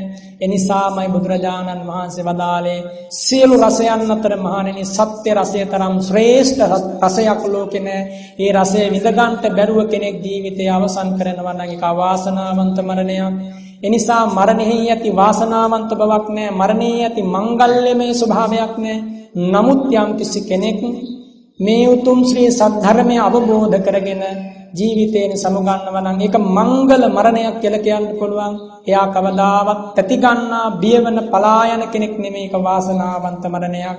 සෝවාන් ආර්ය ශ්‍රාවකයාගේ මරණය, සකදාගාමි ආර්ය ශ්‍රාවකයාගේ මරණය, අනාගාමි උතුමන් වහන්සේගේ මරණය රහතන් වහන්සේගේ පිරිනිවන් පෑම ඒකාන්තයෙන්ම වාසනාවන්ත සමුගැනීම මේ ලෝකයෙන්. එනිසා අන් සියලු දෙනාගේම ජීවිතය ගැන පැහැදිලි විනිශ්චයක් දෙන්න බෑ. අද බත් කාලා ඉන්න කෙනා හෙට දවසේ තනකොළ කනවා. අද දවසේ රස මසවුළු ආහාරයට ගන්නා කෙනා හෙට දවසේ අනුන්ගේ වැසිකිලි වලවල් වල අසුචි බුදිමින් කල් අවුරුදු ගණන් දුක් විඳිනවා. මේ වගේ ඉරණමක් ජීවිතයේ තියෙනවා. ඔබ කැමති නම් මේ දේ පිළිගන්න බුදුරජාණන් වහන්සේගේ ධර්මයෙන් අපට මේ පාඩම උගන්වන්නේ. එහෙම හිතුවොත් පමණයි අනාදිමත් සසරක අපභාවිතයට ගැනුණ මේ සිතේ තියෙන අරටු බෑපු මුල් බෑපු අකුසල සංස්කාරයන් නීවරණ ධර්ම එවැගේම අනුශය ධර්ම සංයෝජන ධර්ම ටිකෙන් ටික ලිහෙන්න පටන් ගන්නෙ. ඒ මාවතේ ගමන් කරනකොට බුදුරජාණන් වහන්සේ වදාරනවා මහණෙනි දිරණ කෙනා ජරාවට පත්වන කෙනා පිළිගත්තොත් මම ජරාවට පත්වෙනවා කියන කාරණය. මග්ගං මග්ගෝ සංජායති එයාට නිවන් මාර්ගයේ විවර වෙනවා මේ මොහොතේ පටන්. ඒ වගේම ලෙඩ රෝග වලට පත්වෙන කෙනා පිළිගත්තොත් හදවතින්ම සත්‍ය වශයෙන්ම අදහාගත්තොත් ජීවිත අවබෝධයක් ලෙස අවබෝධ කරගත්තොත් මග්ගෝ සංජායති. එහෙම කෙනෙකුට නිවන් මඟ විවර වෙනවා. ඒ විදිහටම මරණය ගැන ප්‍රියමනාප දේවල් වලින් වෙන් වෙන්න සිද්ධ වෙනවා කියන මේ ස්වභාවය කර්මය ඵලය අපි හැම කෙනෙකුගේම ජීවිතයේ ආවරණීය ධර්මයයි කියන කාරණය පිළිගත් කෙනෙකුට මග්ගෝ සංජායති නිවන් මඟ විවර වෙනවා ඒ විවරමන්නා වූ නිවන් මාර්ගය නැවත නැවත වඩනකොට භාවිතයට ගන්නකොට ඇසුරු කරනකොට බුදුරජාණන් වහන්සේ වදාරනවා එයා නොබෝ කලකින් සව් කෙලසුන් නසා දමා අමා මහ නිවනින් සැනසෙන ආර්ය ශ්‍රාවකයෙක් බවට පත් වෙනවා කියලා. ඉතින් ඒ නිසා මේ බුදුරජාණන් වහන්සේ නිසා ඔබට මට ලැබිච්ච ඒ අසිරිමත් සාන්තිය වචන වලින් මෙපමණයි කියලා කියන්න බෑ. අද පවා අතිපූජනීය මහා සංඝරත්නය ඔබ ඉදිරියේ වැඩ ඉන්නවා. මේ උතුමන් වහන්සේලා තමයි මේ ලෝකයට මේ උතුම් ධර්ම චක්‍රයේ යුගයෙන් යුගයට යුගානුගතව පවත්වාගෙන ආපු උතුමෝ මේ කසාවතේ තියෙන බුදු ගුණ සුවඳ අනන්තයි අප්‍රමාණයි මේ වගේ කසාවතක් පාරේ යනකොට කුණු ගොඩක දැක්කොත් වදාරනවා දනිස් දෙක බිම තියලා දෑත නළලේ තබාගෙන වන්දනා කරන්න කියලා. ඒ තරම් උතුම් අරහත් ධජයක අසිරිය ලෝකෙට ලැබිච්ච අවස්ථාවක කිසි කෙනෙක් ප්‍රමාද වෙන්න එපා. සෑම මොහොතකම බුද්ධාලම්බන ප්‍රීතිය උපදවා ගන්න. බුදු ගුණයෙන්ම සැනසෙන්න, ධම් ගුණයෙන්ම සැනසෙන්න, සංඝ ගුණයෙන්ම සැනසෙන්න. බුදුරජාණන් වහන්සේගේ ගුණ සිහි කරනකොට සිත පිරිසිදු වෙනවා. පිරිසිදු සිතට යථා භූතං තත්වාකාරයෙන් ඥාන දස්සනං ඥාන දර්ශනය පහළ වෙනවා. කුමක්ද තත්වාකාර ඥාන දර්ශනය කියලා කියන්නේ? රූපයද වේදනාවද සංඥාවද සංස්කාර ධර්මද විඥානයද කියන මේ පංචස්කන්ධයන් අයිතිවන්නේ දුකටයි කියන මේ ආර්ය දර්ශනය මෙන්න මේ අවබෝධය යම් කිසි කෙනෙකුට ඇති වුණොත් එයා ඉන්න අනතුරු විමසනවා මේ නැවත නැවත දුකට හේතු වන පංච උපාදානස්කන්ධ දුක්ඛයට හේතු වන්නේ කුමක්ද? එහෙම විමසනකොට ශ්‍රතවත් වූ ආර්ය ශ්‍රාවකයාට ධර්මය අහලා තියෙන කෙනාට ධර්මය පුරුදු කරපු කෙනාට තථාගත බුදුබණ පදය හදයංගම කරගත්ත කෙනාට දැනෙනවා තණ්හාව මුල් කරගත්ත කෙලෙස් ධර්මයන් කෙලෙස් ඕඝයන් නිසා තමයි මෙච්චර කාලයක් මම අනන්ත දුක් විඳි සංසාරේ හොඳට හිතන්න මේ කියන කාරණේ. අද ලස්සන කෙස් ටිකක් ඇස් දෙකක් හමක් අතපය ජීවත්වීමට හිසට සෙවනියක් යන්නෙන්ට වාහනයක් අනුභව කරන්න රස මසවුලු ඇසට මිහිරි රූප කනට මිහිරි ශබ්ද දිවට මිහිරි රස නාසයට මිහිරි සුවඳ කයට මිහිරි ස්පර්ශ ලබමින් ගත කරන ඔය ජීවිතය ඔහොම වුණාට ඔය ඇත්තු මේ මහා භද්‍ර කල්පයේ මේ මහා පොළවේ කොච්චර නම් සිව්පාව වෙලා කකුල් හතරෙන් කුරතියාගෙන මේ මහා පොළවේ ඇවිදගෙන ගියාද? ඒ ඉතිහාසය ඔබට මතක නැහැ ඒ වගේම බඩගාන සත්වෝ වෙලා මේ මහා පොළොවේ කොච්චරනම් උරගයන් වෙලා ඔබ මේ මහා භද්‍රකල්පේ පමණක් ඇවිදගෙන ගියාද? ඒ වගේම මේ මහා භද්‍රකල්පේ පමණක් ඉදිකටු සිදුරක ප්‍රමාණයේ කට තියෙන මහා කලයක් වගේ බඩක් තියෙන ප්‍රේතයෝ වෙලා කන්න නැතුව පැන් පොදක් නැතුව පිපාසිත දුක උහුලමින් කොච්චර කාලයක් නම් මේ මහා පොළොවේ දුක් විඳද? මේ සත්‍ය නොපෙනෙන නිසා මිනිසු අන්ධ භූත වෙලා ඒ අන්ධ භූත භාවයට ඔබ අසුවන්ට එපා. ලෝකේ හැමදාම නූපන් රාගය උපදවලා දීලා ඔබ මුලා කරනවා.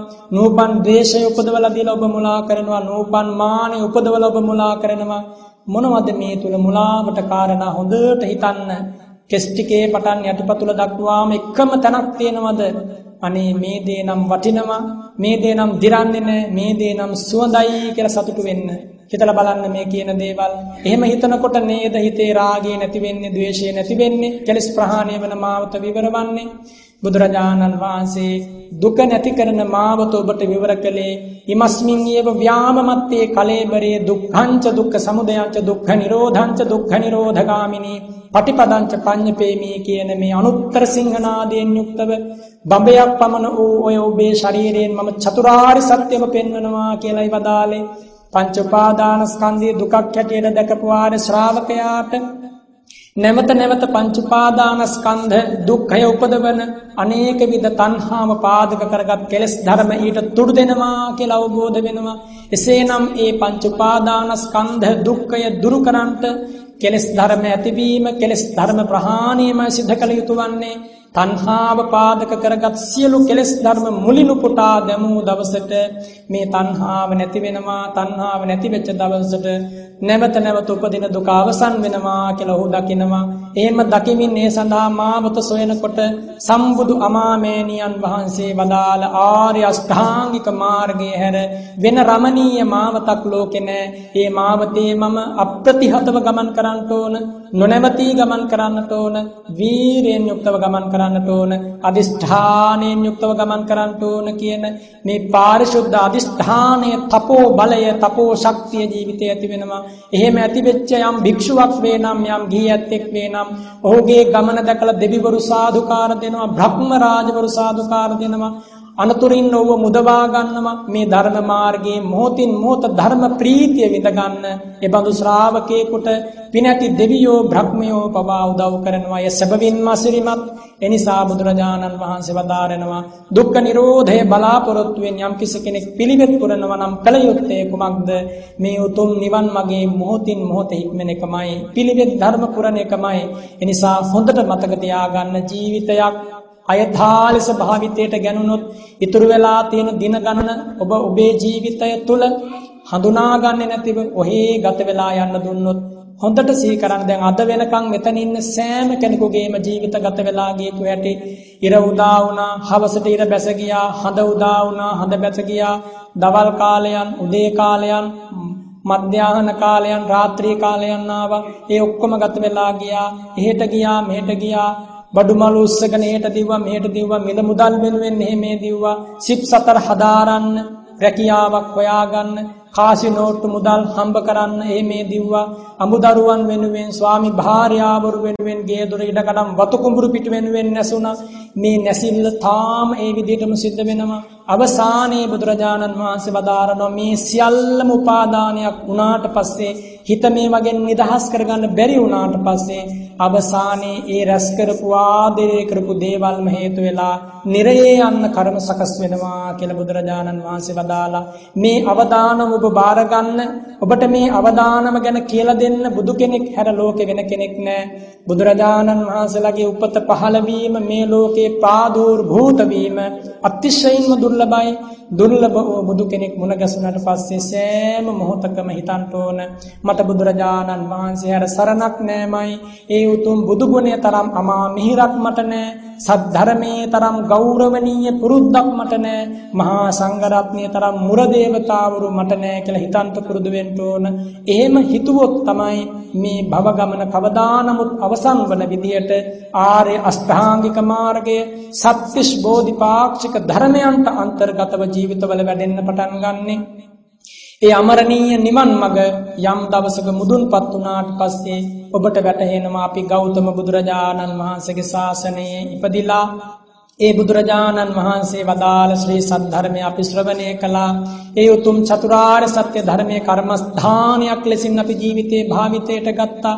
වැරදි විදිහට මේ ජීවිතේ පැවැත්වුවේ නැහැ. එනිසානේ අපි මේ අරහත් ඵල විමුක්තියෙන් සැනසුනේ කියලා යම් දවසක මෙතන ඉන්න හැමෝටම උදානයක් ප්‍රකාශ කරමින් දෙවිවරු ලවා සාදුකාර දෙවමින් මහ පොළොව කම්පා කරවමින් සංසාරයෙන් සමුගන්න මේ උතුම් බුද්ධ ශාසනය හේතු වෙනවා.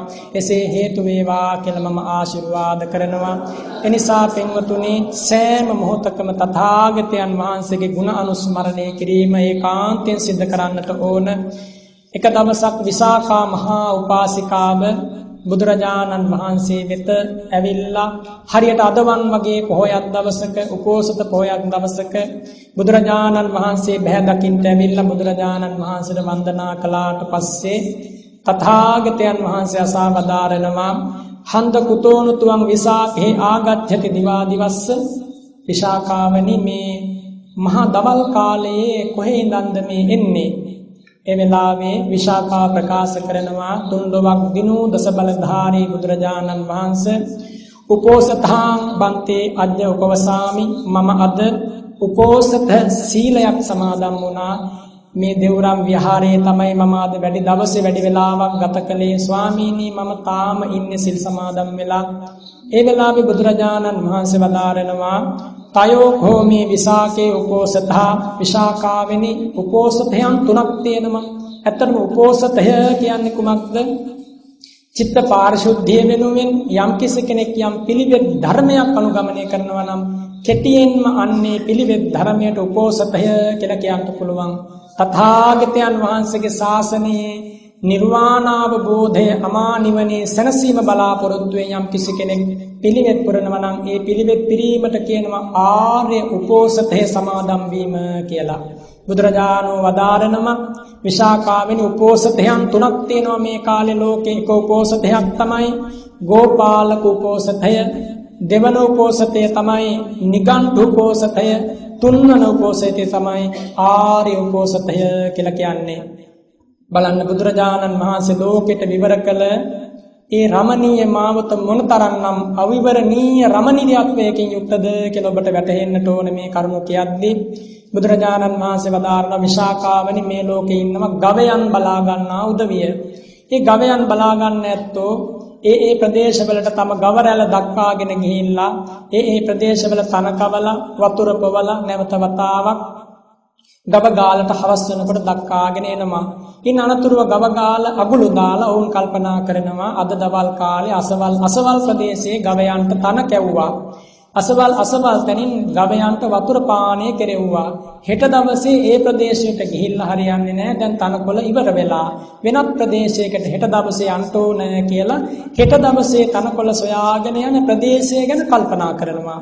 බුදුරජාණන් වහන්සේ වදාරනවා විශාකාවනි අන්නේ ගෝපල්ලන් සිතන විදිහට මේ ලෝකයේ ඇතැම් උපෝසතිකයන් කල්පනා කරනවා. ඇතැම් ශ්‍රමණවරු බ්‍රාහ්මණවරු කල්පනා කරනවා අද නම් අපි ප්‍රණීත ලෙස දාන ටිකක් හොයාගත්තා, පින්නපාත ටිකක් හොයාගත්තා. අසවල් අසවල් කැවිලි වර්ගයේ අද අනුභව කළා. හෙට දවසේ අපි කොහෙන්ද කෑම ටිකක් හොයාගන්නේ? හෙට දවසේ රසවත් ආහාර ටිකක් හොයාගන්නේ කොහොමද? හෙට දවසේ අපි උදේ දාණයට ආහාරයක් වශයෙන් මොනවද අනුභව කරන්නේ කියලා කෑම ගැන කල්පනා කරනවා කියනවා. එහෙම කෑම ගැන කල්පනා කරමින් යම්කිසි කෙනෙක් භ්‍රමචර්යාවක් රැක්කත් නොරැක්කත් කාමයන් ගැන කල්පනා කර කර ගත කරන ඒ ජීවිතය පාරිශුද්ධ උපෝසතයකින් යුක්ත ජීවිතයක් නෙමෙයි. විශාකාවනි එහෙම කෙනෙකුගේ ඒ උපවාසයේ උපෝසත සීලය මහත්ඵල මහානිසංස වන්නේ නැත කියලා දේශනා කරනවා. ඊන අනතුරු වදාරනවා විශාකාවනි මේ ලෝකේ ඉන්න නිගණ්ඨයෝ නම් වූ ශ්‍රමණ පිරිසක් ඉන්නවා. අදත් ඉන්නවා දඹදිව ඔයත් අන්න ගියොත් බලා ගන්න පුළුවන්. නූල් පොටක් ශරීරයේ නැතිව විමුක්තියක් හොයන පිරිසක් බලන්න අන්ධකාරයක මහත අලජ්ජිතායේ ලජ්ජන්ති ලජ්ජිතායේ නලජ්ජරේ. ඒ අත්ව ලැජ්ජා වෙන්න ඕනේ දේවල් වල ලැජ්ජා වන්නේ නැහැ. ලැජ්ජා නොවිය යුතු තැන් වල ලැජ්ජා වෙනවා. ඉතින් ඒ වගේ උදවිය හොයාගෙන යනම විමුක්තියක් සැනසීමක් සැබවින්ම ලැබේවිද ඒ සැනසීම හිතලා බලන්න බුදු කෙනෙක් පහළ වෙච්ච යුගයක පවා නිගණ්ඨයන්ට බැරි වුණා නම් මේ දස බලධාරී උතුමන් වහන්සේ අප වෙනුවෙන් පහළ වුණේ සිව්සස් දහම් දේශනා කරන්නට කියලා හිතන්න අද වගේ කාලයක බුදුරජාණන් වහන්සේ නමක් ලෝකෙ නැති වෙච්ච කාලයක මොන තරම්නම් මිත්‍යා දෘෂ්ටීන්ගෙන් ලෝකේ පිරීලා යයිද? ඒකයි කියන්නේ තථාගතවරු ලෝකෙ පහළ වෙන කාලයන් ඊටාම දුර්ලභයි. කලාතුරකින් පහළ වුණාට පස්සේ බුද්ධ ශාසනය මුණ ගැසුණාට පස්සේ බඩගෝත්‍රයේ වෙනුවෙන් ප්‍රේමනාප රූප ශබ්ද ගන්ධ රස ස්පර්ශ කාමයන් වෙනුවෙන් නැහින්නේ නැතිව මේ උතුම් ධර්මය අවබෝධ කරගන්නම වීරිය දරන්න කියලා. වෙන සනසිල්ලක් නැති නිසා අවධාරණයෙන් මේ බණපදය තථාගත සිරිමුව මඩලින් ලෝකයට ඇසෙන්න සැලැස්සුවේ. ඉතින් විශාකාවට තථාගතයන් වහන්සේ වදාරන විශාකාවනි බලන්න. ඒ නිගණ්ඨයන් තම ශ්‍රාවකයන්ව පුරුදු කරනවා උපෝසතයකට කුමක්ද ඒ උපෝසතය ඒ නිගණ්ඨයන් තම ශ්‍රාවකයන්ට කියනවා අද දවස තුල නුඹලා සියලු ඇඳුම් පැළඳුම් ගලවා දමන්න. නූල් පොටක්වත් ශරීරේ තබා ගන්න එපා. එතකොට නුඹලාට පලිබෝධයක් නැහැ. බලන්න හිතන විදිය. ඊනතරතුරුව කියනවා නුඹලා නැගෙනහිර දිසාවේ යොදුන් 100ක් එහා පැත්තේ ඉන්න සත්වයන් කෙරෙහි පමණක් මෛත්‍රිය පවත්වන්න. යොදුන් 100කට මෙහා පැත්තේ ඉන්න සත්වයන්ට මෛත්‍රිය පවත්වන්න එපා. දකුණටත් බටහිරටත් උතුරටත් උඩටත් යටටත් ඒ විදිහටම යොදුන් 100ක් එහා පැත්තේ ඉන්න සත්වයන්ට මෙත් සිත පතුරවන්න. යොදුන් 100කින් මෙහා පැත්තේ ඉන්න නැත්තන්ට මෙත් සිත පතුරවන්න එපා. එතකොට ඒක උපෝසතයක් වෙනවා කියලා ඔන්න නිගණ්ඨයෝ උගන්වනවා. බලන්න මොන තරම්නම් මිත්‍යා දෘෂ්ටියක්ද? සබ්බේ තසන්ති දණ්ඩස්ස සබ්බේ භායන්ති මච්චුනෝ. අත්තානං උපමං කତ୍වාන හනේයන ඝාතයේ. එහෙමනේ තථාගතයන් වහන්සේ වදාළේ. ලෝකෙ සෑම කෙනෙක්ම දඬුවමට තැති ගැනීමට බිය බැද්දීම් වලට අකමැති. එනිසා කාටවත් එහෙම කරන්න එපා. හැමෝ කෙරෙහිම අප්‍රමාණ චේතෝ විමුක්තියක් වන මෛත්‍රී චිත්තේ පතුරවා හරින්න කියලායි බුදුරජාණන් වහන්සේ වදාළේ. බුදු කෙනෙකුගේ කරුණාධාර මෙත් සිසිලස අනන්තයි අප්‍රමාණයි. නිගණ්ඨයන් තම ශ්‍රාවකයන් වැරදි මාර්ගයේ යොමු කළා. බුදුරජාණන් වහන්සේ වදාරනවා විශාකාවෙනි මේ විදියට නිගණ්ඨයන් තම ශ්‍රාවකයන් වැරදි මාවතේ යොදවනවා. ඒ වැරදි මාවතේ යොදවන ඔවුන්ට කවදාකවත් මහත්ඵල මහානිසංස ලබන්නට ලැබෙන්නේ නැහැ. ඇයි වැරදි මාවතක යොමු කරලා තියෙන්නේ? වැරදි විදියට මෛත්‍රිය ගැන කියලා දීලා තියෙන්නේ. වැරදි විදියට උපාදානයන් ෂේ කිරීම ගැන කියලා දීලා තියෙන්නේ. ඔවුන් හිතනවලු මට දැන් කවුරුවත් නැහැ මට දැන් පරිබෝධයක් නැහැ කියලා. බුදුරජාණන් වහන්සේ වදාරනවා මහණෙනි ඊයත්ෝ එහෙම කිව්වට මේ ලෝකයේ ඇත්තන්ට අම්මා තාත්තා සහෝදරයෝ ඥාති හිතයිසියන් දුව දරුවන් අඹ දරුවන් ඉන්නවා. ඒ චින්තනයේම බොරුවක් මුසාවාදයක සමාදන් කිරීමක්. එනිසා ඕන් මරණින් මත්තේ නිරේ වැටෙනවා. ඒ නිගණ්ඨ උපෝසතේ විශාකාවෙනි දුරු කළ යුතු දෙයක්. ඒ අනුගමනය නොකළ යුතු දෙයක් හැටියට උපෝසතේ ගැන විශාකාවට වදාරලා ඉන්න අනතුරු වදාරනවා. කොහොමද විශාකාවනි මේ මගේ ශාසනයේ ඔබ වගේ ආර්ය ශ්‍රාවිකාවරුන් සමාදම් වන ඔය උපෝසත සීලය ආර්ය වූ උතුම් වූ උපෝසතයක් බවට පත්වන්නේ. ඒ වෙලාවේ බුදුරජාණන් වහන්සේ සිරිමුව මඩලින් වදාරනවා උපක්කලිට්ඨස්ස විසාකේ චිත්තස්ස පරියෝදපනා උපක්කමේන හෝති. විශාකාවනි සිත කිලිටි වුණාට පස්සේ ඒ සිත පිරිසිදු වීම සිත පිරිසිදු කිරීම බොහොම කල්පනාවෙන් නුවණින් ටිකෙන් ටික සිද්ධ කරන්න ඕනේ ධර්මතාවක්. සිත අපිරිසිදු වුණා කියලා දැනගන්න ඕන. රාගය සිත කෙලසෙන ධර්මයක්ය. ද්වේෂය, මෝහය, මදේ, මානෙ, පාපය, තීන මිද්දේ, විචිකිච්ඡාව මේ ධර්මතා අකුසල ධර්මතා හිත කෙලසෙනවා කියලා දැනගන්නට ඕන. එහෙම දැනගෙන බුදුරජාණන් වහන්සේ වදාරනවා ඒ වගේම හිත දුරු කරගන්න නම් පුරුදු කළ යුතු ධර්මයක් තියෙනවා. බුදුරජාණන් වහන්සේ දා විශාකාවට වදාරනවා විශාකාවෙනි ඉද විසාකේ අරිය ශාවකෝ තථාගතං අනුස්සරති ඔබේ බුදුරජාණන් වහන්සේ වන ඔබ ඉදිරියේ වැඩ ඉන්න මා ගැන විශාකාවෙන යම් කිසි කෙනෙක් හිතනකොට ඔහුගේ සිත ඒකාන්තයෙන් පහදිනවා බලන්න මේ ලෝකේ මොන ශාස්ත්‍රෝන් වහන්සේද ප්‍රකාශ කරලා තියෙන්නේ? මා ගැන හිතනකොට ඔබේ හිතේ තියෙන රාගය, ద్వේෂය, මෝහය දුර වෙලා හිත පිරිසුදු වෙනවා කියලා. එකම ශාස්ත්‍රඥ වහන්සේ ළමයි දේශනා කළේ ඒ අප සරණ ගිය භාග්‍යවත් බුදුරජාණන් වහන්සේ. එනිසාම ඒක અભීත සිංහනාදයක් මේ දේවල් ඇහෙනකොට පුදුමාකාර සතුටකට ඔබපත් වෙන්න ඕන. මා සරණ ගිය මගේ බුදුරජාණන් වහන්සේ දෙවියන් සහිත ලෝකෙ ඉදිරියේ මම අරහං ගුණෙන් යුක්තයි කියලා සිංහනාද කළා. මම සියල්ල අවබෝධ කළා කියලා සිංහනාද කළා. මා අෂ්ට විද්‍යා පසළොස් චරණ ධර්මයන් පරිපූර්ණ කලා විද්‍යාචරණ සම්පන්න ගුණයෙන් යුක්තයි කියලා සිංහනාද කළා. සුන්දර සුගත නිවන් මගේ අවිජහිතව ගමන් කරලා මම අමාමහ නිවනින් සැනසුනාය නිසාම සුගත ගුණයෙන් යුක්තයි කියලා දේශනා කළා. සංස්කාර ලෝකයේ අවකාශ ලෝකයේ සත්ව ලෝකයේ ඉතිරියක් නැතිව අවබෝධ කොට බදාල නිසා දෙවියන් සහිත ලෝකයේ මට ආමන්ත්‍රණය කරන්නේ ලෝක විදූ වූ තථාගතයන් වහන්සේ කියලා. එනිසා මම ලෝක විදූ ගුණයෙන් යුක්තයි කළ දේශනා කළා. ඒ වගේම තථාගතයන් වහන්සේ ඉදිරියට ආපු අනන්ත අප්‍රමාණ සත්වයන් තිරිසංගත සතුන් පවා দমনයේ වෙච්ච ආකාරය ගැන හොඳට මෙනෙහි කරන්න ප්‍රචණ්ඩ වූ හස්තිරාජයෙක් අවි අමෝරාගත් ප්‍රචණ්ඩ වූ පුද්ගලයන් නොඑක් විදිහේ මිසදිටුවනින් ගැවසීගත් මනසක් ඇතිව දෘෂ්ටීන්ගෙන් පැටලීගත් මනසක් ඇතිව බුදුරජාණන් වහන්සේ ළඟට ආපු හැටි ඒ සෑම කෙනෙක්ම යලි කිසිදාක ඇවිස්සෙන්නේ නැති විදියට සංසිඳී ගියපු ඇති මේ සියල්ල සිහි කරනකොට බුදුරජාණන් වහන්සේගේ විද්‍යාචරණ සම්පන්න ගුණය වගේම අනුත්තරෝ පුරිස ධම්ම සාරතී ගුණ බලය ගැන නිරන්තරයෙන් හදවතට සිහිපත් වෙනවා අනුස්මරණය වෙනවා.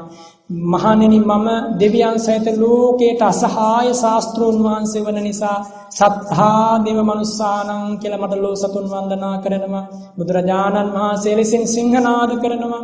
ඒ වගේම මහණෙනි මම අවබෝධ කරපු ශ්‍රී සද්ධර්මයේ ගුරු මුෂ්ඨියක තබා ගන්නේ නැතිව මහත්ම අනුකම්පාවෙන් ලෝ සතුන් කෙරෙහි පතලා වූ මහා කුළුණින් යුක්තව දේශනා කළා. ඇසු ඇසූ අයට සිතු සිතූ අයට සිතට ගතට සැනසෙල්ලක් ඇසට රසඳුනක් වූවේ බුදුරුවමයි කනට රසඳුනක් වූවේ බුදුරුවමයි සිතට සැබවින්ම මිහිරක් වූවේ බුදුගුණයමයි.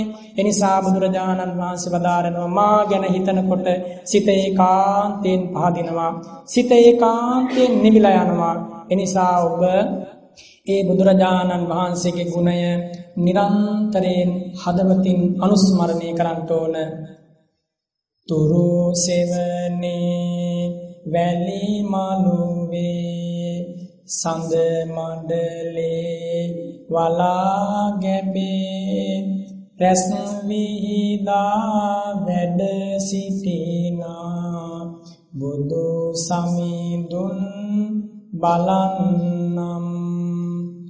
ඈත නීල කඳුරැල්ලෙන් ගලා හැලෙන ගඟුලැල්ලෙන් සිත සනසා සිත නිවමින් බුදු ගුණයම සිතන්නම්.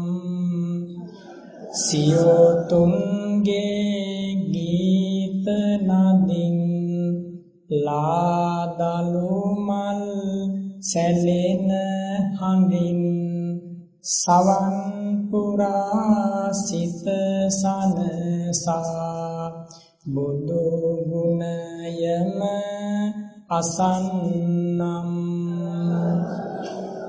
හිරු නැගෙනා හිමිදිරියේ සඳු නැගෙනා සැන්දෑවේ වන පස මල් දෝතින්ගෙන සිරිපා සිඹ වඳින්නම්.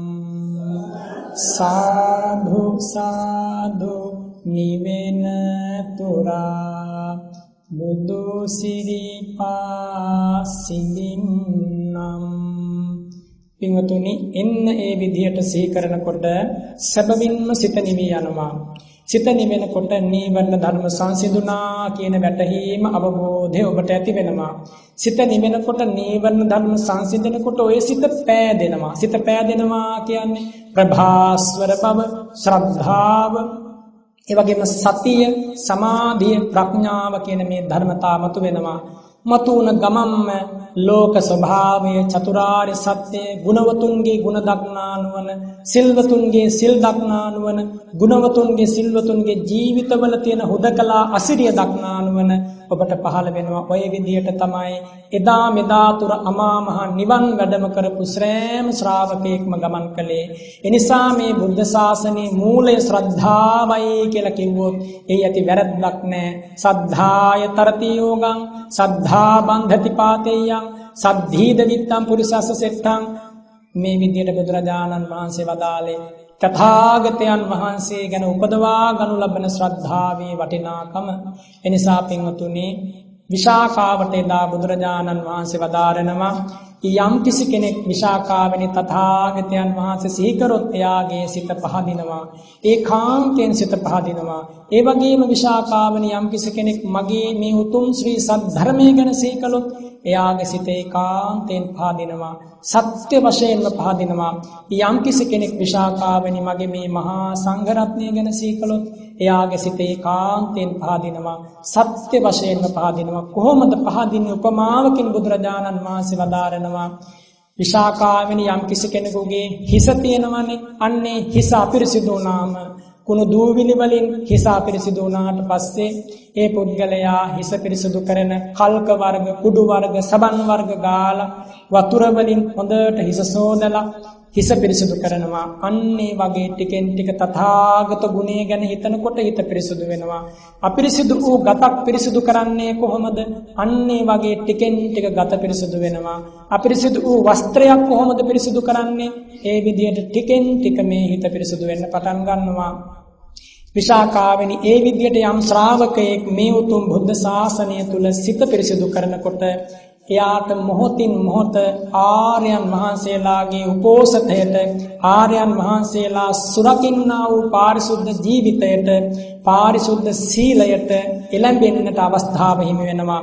බුදුරජාණන් වහන්සේ වදාරනවා ඒ වගේම විශාකාවනි යම් කිසි කෙනෙක් Taman රකින්න සීලය ගැන සිහි කරනවා නම් බලන්න බුදුරජාණන් වහන්සේ කොහොමද මේ උතුම් ධර්ම මාර්ගයේ ඇතිරෙන ශ්‍රාවකයා අමා නිවන කරා පමුණවන්නේ බුදු ගුණ හිතන්න කිව්වා උදේහවා දම් ගුණ හිතන්න කිව්වා පිරිසුදු වෙනවා හිත සංඝ ගුණ හිතන්න පිරිසුදු වෙනවා හිත ඉන් අනතුරුව තමා රකින්න සීලය ගැන හිතන්න කිව්වා හොඳට සිහි කරන්නකො මම සිල්වතෙක් මේ ලෝකේ මම ප්‍රාණඝාතයෙන් හොරකමින් වැරදි දේවල් වලින් වෙන් වෙලා දැන් බොහෝ කාලයක් වෙනවා කියලා කෙනෙකුට හිතන්න පුළුවන් නම් එයාගේ ජීවිතය අකම්පිත ජීවිතයක් බවට දවසකපත් වෙනවා.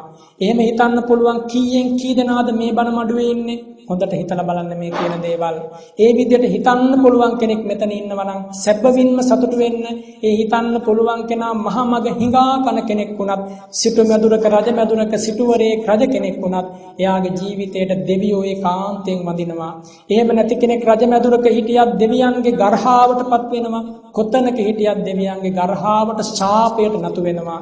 අද වගේ කාලයක මේ වගේ රටකට වෙලා තියෙන්නේ ඒකයි. කොච්චර අපි ධර්ම දේශනා කළත් අපේ බෞද්ධයන් කියා ගන්නා ඇත්තන්ගේ ජීවිතවල පැහැදිලි සීලයක පිහිටීමක් නැති වෙලා අභිමානයක් නැති වෙලා තථාගතයන් වහන්සේ සරණ යන්න ලැබුණා කියනේ ගෞරවණීය හැඟීම හිතවලින් ඈත් වෙලා මොනවදෝ දේවල් හිතවල පුරවාගෙන යත් කොහෙදෝ යනවා යන තැනක් ගැන දන්නේ නැහැ පුදුමාකාර අන්ධභූත ගමනක් මේ ගමන අවසන් වෙන්නේ මහා දුකකින් ඛේදවාචකයකින් ශෝකාන්තයකින් නොබෝ කලකින් අපේ ජාතිය අපේ ආගමේ අපේ රටේ විනාශය ලං වේවි. මේ විදියට ඔය අත්තු මේ උතුම් ධර්මයේ පුරුදු කලේ නැත්නම් මේ ප්‍රශ්නයේදී ලෝකේ කාටවත් දොස් කියලා වැඩක් නැහැ. මේ ප්‍රශ්නයේදී ඔබ ඔබේ ජීවිතය දෙස බලන්න. මම බුදුරජාණන් වහන්සේ වදාළ ලෙස මගේ ජීවිතය පවත්වනවද?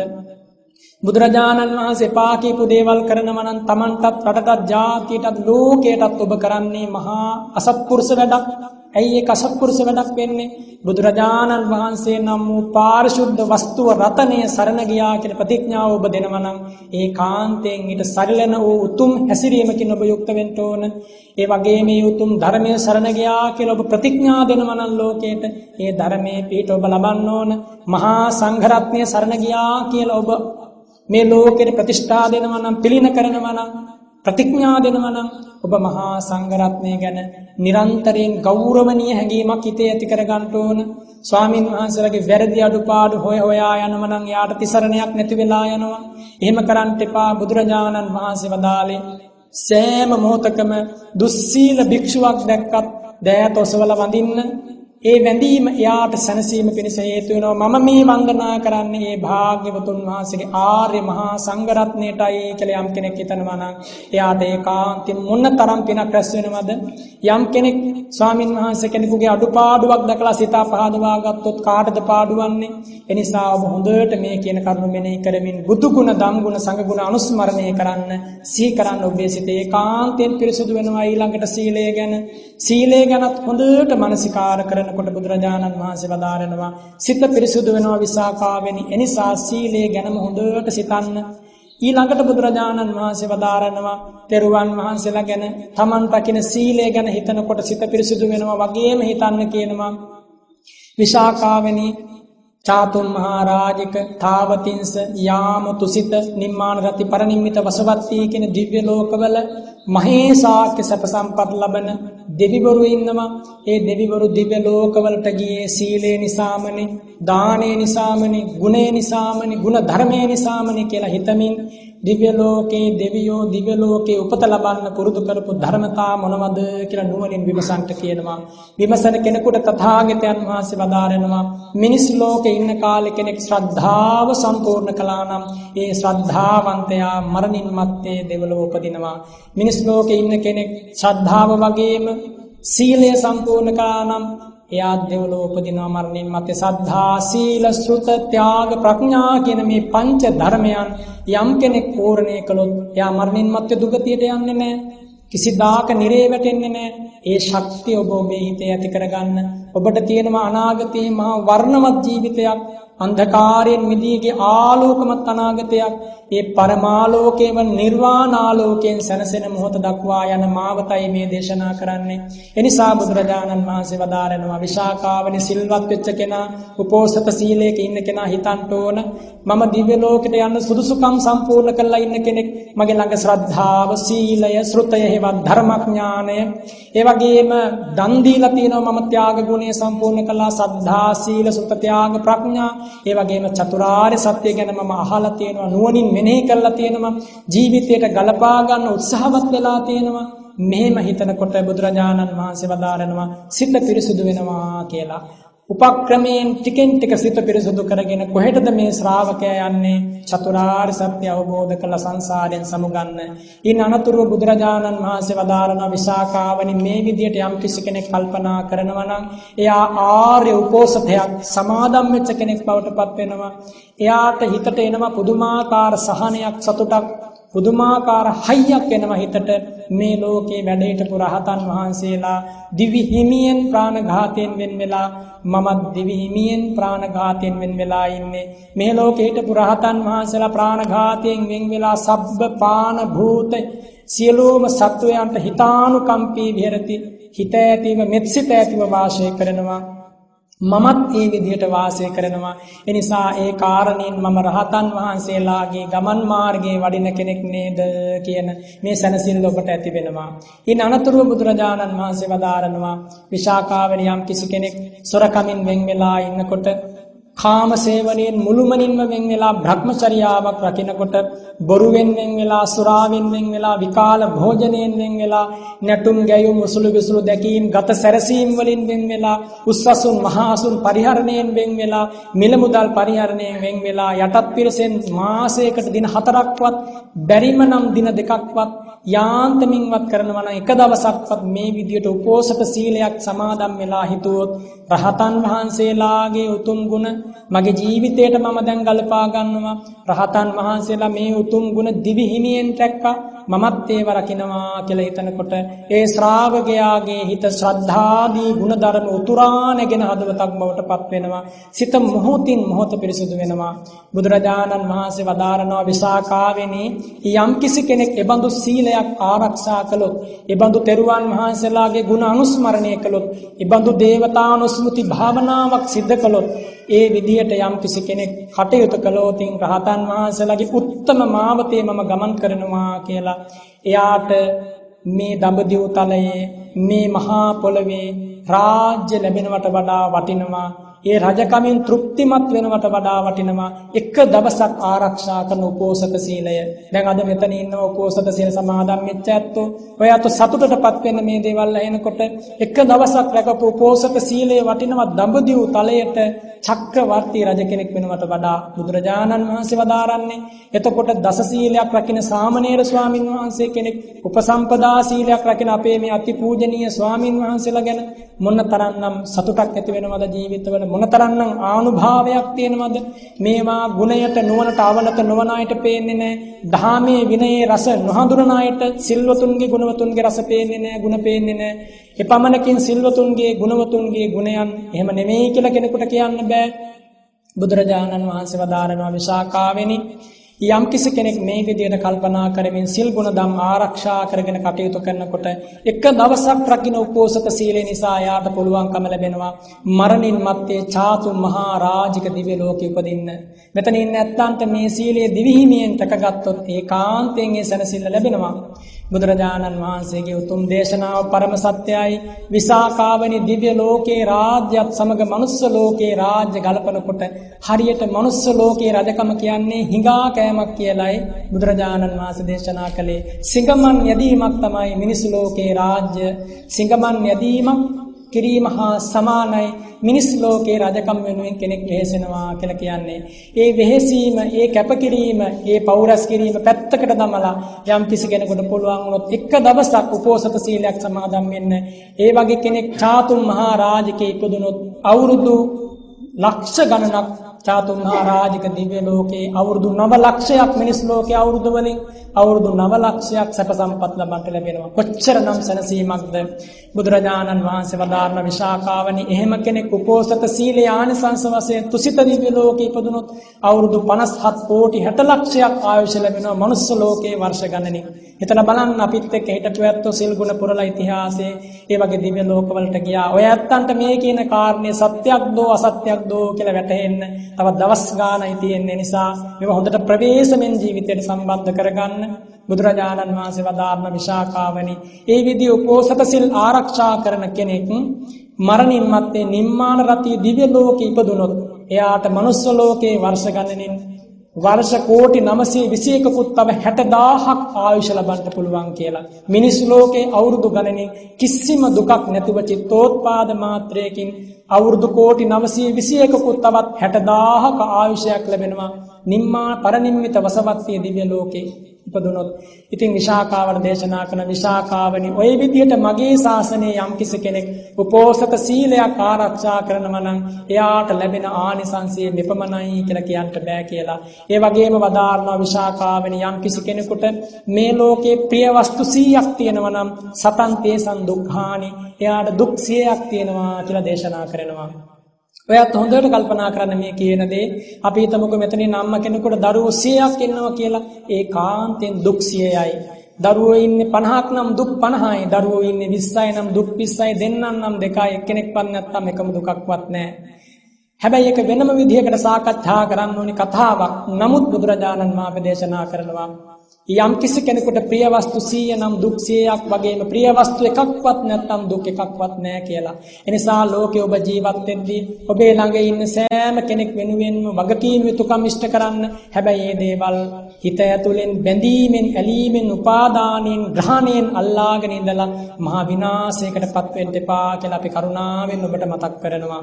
ඒ වගේම බුදුරජාණන් වහන්සේ වදාරනවා ඒ විදිහට මේ දුකෙන් නිදහස් වන වැඩපිළිවෙල කෙනෙක් මනාව තෝරා ගත්තොත් හඳුනාගත්තොත් අවබෝධ කරගත්තොත් එහෙම කෙනෙකුට මේ ජීවිතයේ මේ තියෙන ප්‍රශ්නේ මනාව වැටහෙනවා සංසග්ග ජාතස්ස භවಂತಿ ස්නේහා ස්නේහන්වයන් දුක්ඛමිදම් පහෝති ස්නේහන්වයන් ආදීනමම් පෙක්කමානෝ ඒකෝ චරේ භංග විසාන කප්පෝ කියලා ඔහු ප්‍රකාශ කරනවා කියලා බුදුරජාණන් වහන්සේ වදාරනවා. ඒ උතුමන් වහන්සේට පේනවා සංසග්ග ජාතස්ස භමන්ති ස්නේහා. ඒ කාලේ මේ ලෝකයට පහළ වුණා පසේ බුදුරජාණන් වහන්සේ නමක්. ඒ පසේ බුදුරජාණන් වහන්සේ කොහොමද පහළ වුණේ බුදුරජාණන් වහන්සේ වදාළනවා දිව්‍ය ලෝකයෙන් චුත වෙලා මනුස්ස ලෝකෙට ඇවිල්ලා පින් බලය නිසා එක්තරා පිනැති කෙනෙක් පිනැති කුමාරයෙක් රජ කුමාරයෙක් බවට පත් වෙලා රජ කුලේ ඉපදුනා. මේ රජ කුලේ ඉපදිච්ච රජ කුමාරයාට අවුරුදු 16ක් වෙනකොට මුළු දඹදිව් තලයේම රජකම ලැබුණා. මුළු දඹදිව් රජ තලයේම රජකම ලැබිච්ච මේ රාජ කුමාරයා කල්පනා කරනවා මම දැන් මේ දඹදිව් රාජ්‍යට අගරජතුමා වෙලා ඉන්නේ. ඒ වුණත් මේ රජකම කියලා කියන්නේ අනේක විද පාපයන්ට දුක්ඛයන්ට නොයෙක් විදිහේ පව්කම් වෑහෙන තනතුරක් මේ රජකමින් මට පළක් නෑ මීට වඩා හොඳයි මේ රජකමින් නිදහස් වෙලා හුදකලා වනාරණක සොඳුරු විවේක සැපේ විඳගන්න මට අවස්ථාව තියෙනවා නම් එහෙම හිතලා මේ රජකුමාරයා හස්ති රාජයාගේ පිටේ ගමන් කරන ගමන් ඇතාගේ පිටේ ගමන් කරන ගමන් කල්පනා කරනවා. ඇත්තටම මේ රජසැප ඇතුළු සියලු සංස්කාර ධර්ම ගෙවි ගෙවි යන දේවල් වෙනසි වෙනසි යන දේවල් නැති දෙවි යන දේවල් නිරුද්ධ වෙවි යන දේවල් මේ සංස්කාර ධර්මයන්ගෙන් මම ඒකාන්තයෙන් සමුගන්න ඕන. මේ සංස්කාර ධර්මයන් අනිත්‍ය නිසා දුක් නිසා අනාත්ම නිසා මෙව වගේ ඇලෙන්න ගැලෙන්න පැටලෙන්න ගියොත් මම ලැබුණා වෙන්නේ ගැලුණා වෙන්නේ ඇලුණා වෙන්නේ දුකේමනේ. මෙහෙම හිතනකොට මේ රජ කුමාරයාට විදර්ශනා ඥානෙ මුහු පුරා ගිහිල්ලා සෝවාන් සකදාගාමි අනාගාමි අරහත් පිළිවෙලින් පච්චේක බෝධි ඥානෙ පහළ වෙලා පසේ බුදුරජාණන් වහන්සේ නමක් බවට පත් වෙනවා.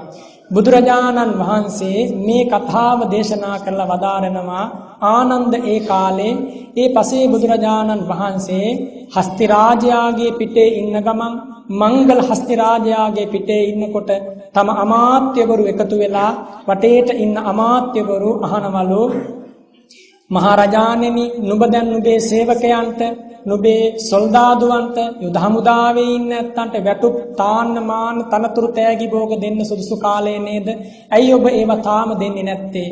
ඒ වෙලාවේ මේ පසේ බුදුරජාණන් වහන්සේ දේශනා කරනවා අමාත්‍යවරුනි මම දැන් රජෙක් නෙවෙයි මම පසේ බුදුරජාණන් වහන්සේ නමක්. මම පසේ බුද්ධ රාජ්‍යයට පත් වුණා. මට වැටහුණා මේ සංස්කාර ධර්මයන්හි අනිත්‍ය ලක්ෂණය දුක්ඛ අනාත්ම ලක්ෂණය. ඉන් අනතුරුව මම පසේ බුද්ධ රාජ්‍යයට දැන් පත් වෙලා ඉන්නේ. සියලු කෙලෙසුන් ප්‍රහාණය වුණා. එනිසා මට රජෙක් කියලා ආමන්ත්‍රණය කරන්න එපා. ඒ වෙලාවේ අමාත්‍යවරු ප්‍රකාශ කරනවා මහරජාණනි තාම ඔබේ සිරසේ ඔටුනු පලන් හිස එහෙම නැත්නම් හිසේ ඔටුනු පැලඳිලා තියෙනවා. රාජකීය ඇඳුම් වලින් සැරසීලා ඉන්නවා. ආභරණ වලින් බබලනවා. පසේ බුදුරජාණන් වහන්සේලා ඔහොම නෙමෙයි. ඉන් අනතුරු අහනවා පසේ බුදුරජාණන් වහන්සේ. එහෙනම් කොහොමද පසේ බුදුරජාණන් වහන්සේලා ඒ වෙලාවේ ඇමතිවරු ප්‍රකාශ කරනවා? පසේ බුදුරජාණන් වහන්සේලා ගන්ධමාදන පර්වතයේ වැඩ ඉන්නේ. පසේ බුදුරජාණන් වහන්සේලා කසාවතක් දරන්නේ. තුන් සිවුරක් ධරාගෙන පාත්‍රයක් අතැතිව ගෙන්ගෙට පිණ්ඩපාතයේ වැඩම කරලා ලැබෙන පිණ්ඩපාතෙන් තමයි උතුම යැපෙන්නේ. මෙහෙම හිතනකොට මේ පසේ බුදුරජාණන් වහන්සේ දකුණු ශ්‍රී හස්තය අරගෙන හිස පිරිමැදලා බලනවා. හිස පිරිමදිනකොට හරිම ආශ්චර්යමත් ඔටුන් අතුරුදන් වෙලා රජ ඇඳුම් අතුරුදන් වෙලා කසාවතින් මුළු ශරීරයම පෙරවිලා පාත්‍රයක් අතැතිව වැඩ ඉන්නවා සියලු දෙනාටම පේනවා. ඒක හරිම පුදුමයි. අනතුරු පසේ බුදුරජාණන් වහන්සේ චතුර්ථ ධානය පාදක කොට ඇති අභිඥාවට සමවැදිලා හිස් අහසට පැන නැගිලා අහස් කුසේ පියුමක් මවාගෙන බද්ධ පරයන්කයක් බැඳගෙන වැඩ ඉන්නවා. පසේ බුදුරජාණන් වහන්සේගේ මේ අසිරිය දැකපු අමාත්‍යවරු ඒ වගේම වැසියෝ සාදුකාර දෙමින් අහනවා.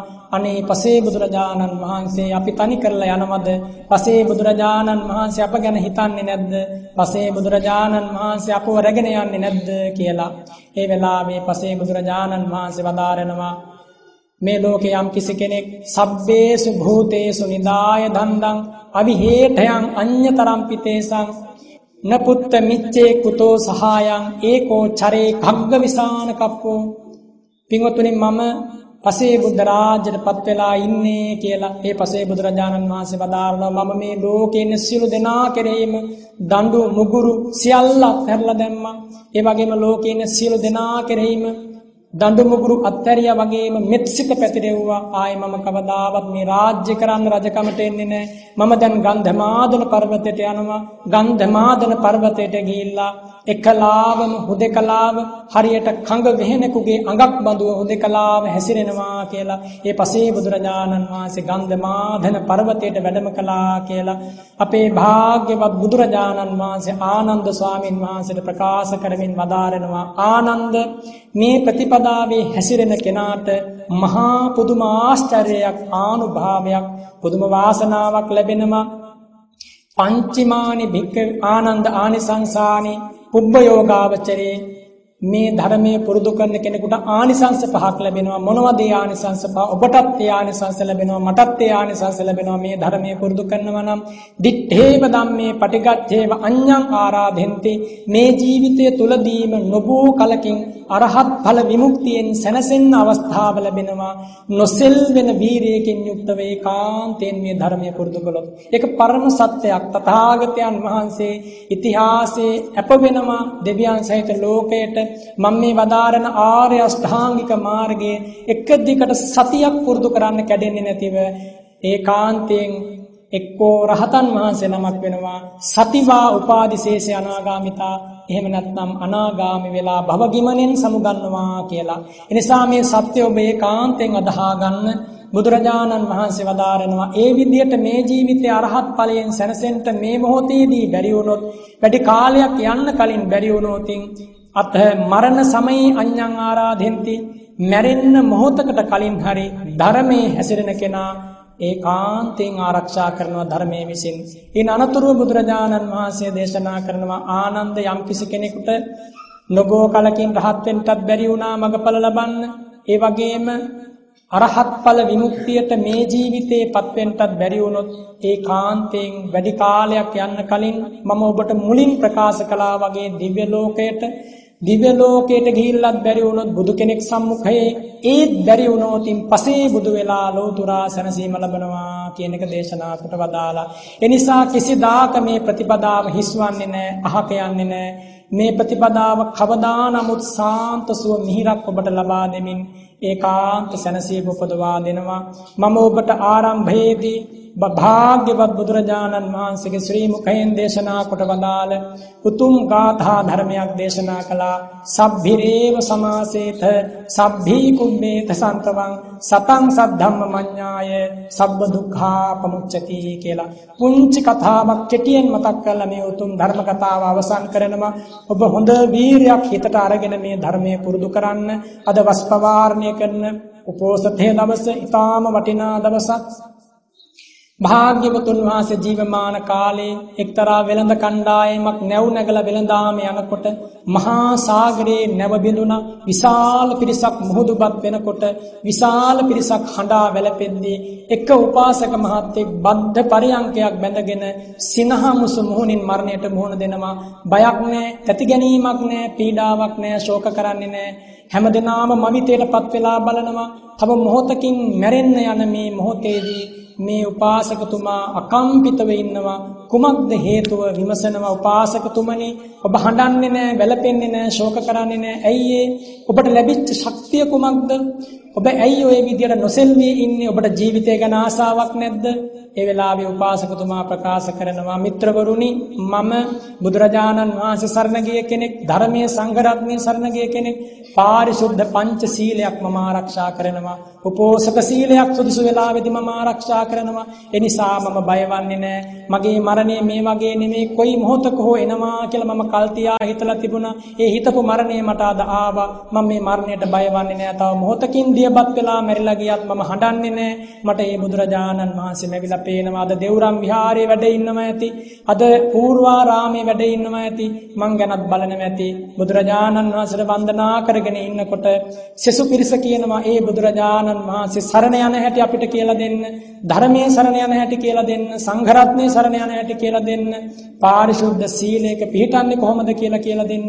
ඒ මොහොතේදී උපාසකතුමා සියලු දෙනාටම සීලය ලබා දුන්නා. සිල් රකින්න හැටි කියලා දුන්න. මොහොතයි සිල් සමාදම් කළ ජීවත් වෙන්න ලැබුණේ. සියලු දෙනාම මුහුදුපත් වුණා මැරෙන්න සිද්ධ වුණා. මැරෙනවාත් සමග මේ සියලු දෙනාම දිව්‍ය ලෝකයේ මහේශාකි දෙවිවරු බවට පත් වෙලා හරිම පුදුමයි බලනකොට මනුස්ස ලෝකයේ ලොකු පින්කමක් සිද්ධ කරලා නැහැ. කොහොමද මෙච්චර අසිරිමත් සැපයක් ලැබුණේ කියලා බලනකොට පේනවා. ඒ නැවේ හිටපු උපාසක මහත්තයා තෙරුවන් සරණ ලබා දුන්නා. සීලය අපට ලබා දුන්න සිල් රකින්න හැටි කියලා දුන්නා මොහොතක් රැකපු තිසරණයේ සහිත සීලයෙන් මෙච්චර ආනිසංසයක් ලැබුණා කියන සතුටින් ඒ මොහොතේම දෙවුරම් විහාරයට ඇවිල්ලා බුදු සිරිපා වන්දනා කරපු ඒ විශාල දේව පිරිස බුදුරජාණන් වහන්සේ ඉදිරියේ කියනවා ස්වාමීනි භාග්‍යවතුන් වහන්සේ සබ්බිරේව සමාසේත සත්පුරුෂයන් ඇසුරු කරන්ට වටිනවා සබ්බී කුබ්බේත සන්තමම් සත්පුරුෂයන් එක්කමයි ජීවත් වෙන්න ඕන සත්පුරුෂයන් එක්ක ජීවත් වෙනකොට ශෝක කරන්ට වෙන්නේ නැහැ. ඥාතීන් මැද hina වෙලා ජීවත් වෙන්න ලැබෙනවා. කවදාකවත් පිරෙන්නේ නැහැ. මරණින් මත්තේ දෙව්ලොව යනවා සත්පුරුෂය අසුරු කරන ඇත්තෝ. මරණින් මත්තේ බ්‍රහ්ම ලෝක යනවා. මේ ජීවිතය අමා නිවනින් සැනසෙනවා. මේ සියල්ල අසාගෙන ඉඳලා බුදුරජාණන් වහන්සේ වදාරනවා. ඒක පරම සත්‍යයක් සත්පුරුෂයන් අතුරු කරන්න, සත් ධර්මයේම සරණ යන්න. එතකොට නුඹලාට සියලු දුකින් අත මිදී ලබන සාන්තමා නිවනින් සැනසෙන්න ලැබෙනවා කියලා සිරිමෝ මණ්ඩෙන් වදාලා මම ඔබට මේ කතාව අවසන් වශයෙන් මතක් කළේ මොහොතක් තත්පර ගානක් රැකපු සීලයක් ඒසා මහත් ආශ්චර්යයක් ආනිසංසයක් ලබා දුන්න නම් අද වගේ දවසක උපෝසත සීලයකින් පංච සීලයකින් පිරිසුදු වෙච්ච මේ ජීවිතවලට මේ උතුම් දෙපයක් ඇසූ මේ උතුම් ශ්‍රී සද්ධර්ම දේශනාවෙන් සිත පහදවා ගැනීමේ ආනිසංසය බුදු ගුණ මෙනෙහි කිරීම දම් ගුණ සංඝ ගුණ මෙනෙහි කිරීම සසර ගැන මෙනෙහි කිරීම ජීවිත සංස්කාරය ගැන මෙනෙහි කිරීම ඒ වගේම සමත විදසුන් භාවනා නුවණ මෝරණ ආකාරයෙන් සිත පුරුදු කිරීම මොන තරම්නම් සැනසෙල්ලකට හේතු වෙනවද? ඉතින් ඒ නිසා ඔබ සිහි කරන්න බුදුරජාණන් වහන්සේගේ උතුම් ශාසනය සමකල්ලි ශාන්තමා නිවනින් සැනසීමට හේතු වෙනවා කියන කාරණේ අපි ආශිර්වාද කරනවා. අතිපූජනීය ස්වාමින් වහන්සේලා ඇතුළු මේ ගිහියත් සියලු දෙනාටම මේ උතුම් ධර්මය අසන ලෝකවාසී හැම කෙනෙකුටම බුදුරජාණන් වහන්සේගේ ඒ අමා සැනසිල්ල ලබාගෙන ධර්මයේ අමා සැනසිල්ල ලබාගෙන මහා සංඝරත්නයේ අමා සැනසිල්ල ලබාගෙන කිසිදාක වෙනස් නොවන ලෞතුරු සුවේන සුවපත් වෙන්න සියලු දෙනාටම වාසනාව ලැබේවා කියලා මම ආශිර්වාද කරනවා. අද මේ උතුම් ධර්ම දේශනාව බෞද්ධයා මාධ්‍ය ජාලය ඔස්සේ ලෝකයට ප්‍රචාරය කරවමින් මේ අසිරිමත් පින්කම සංවිධානය කරන්නට යෙදුනේ.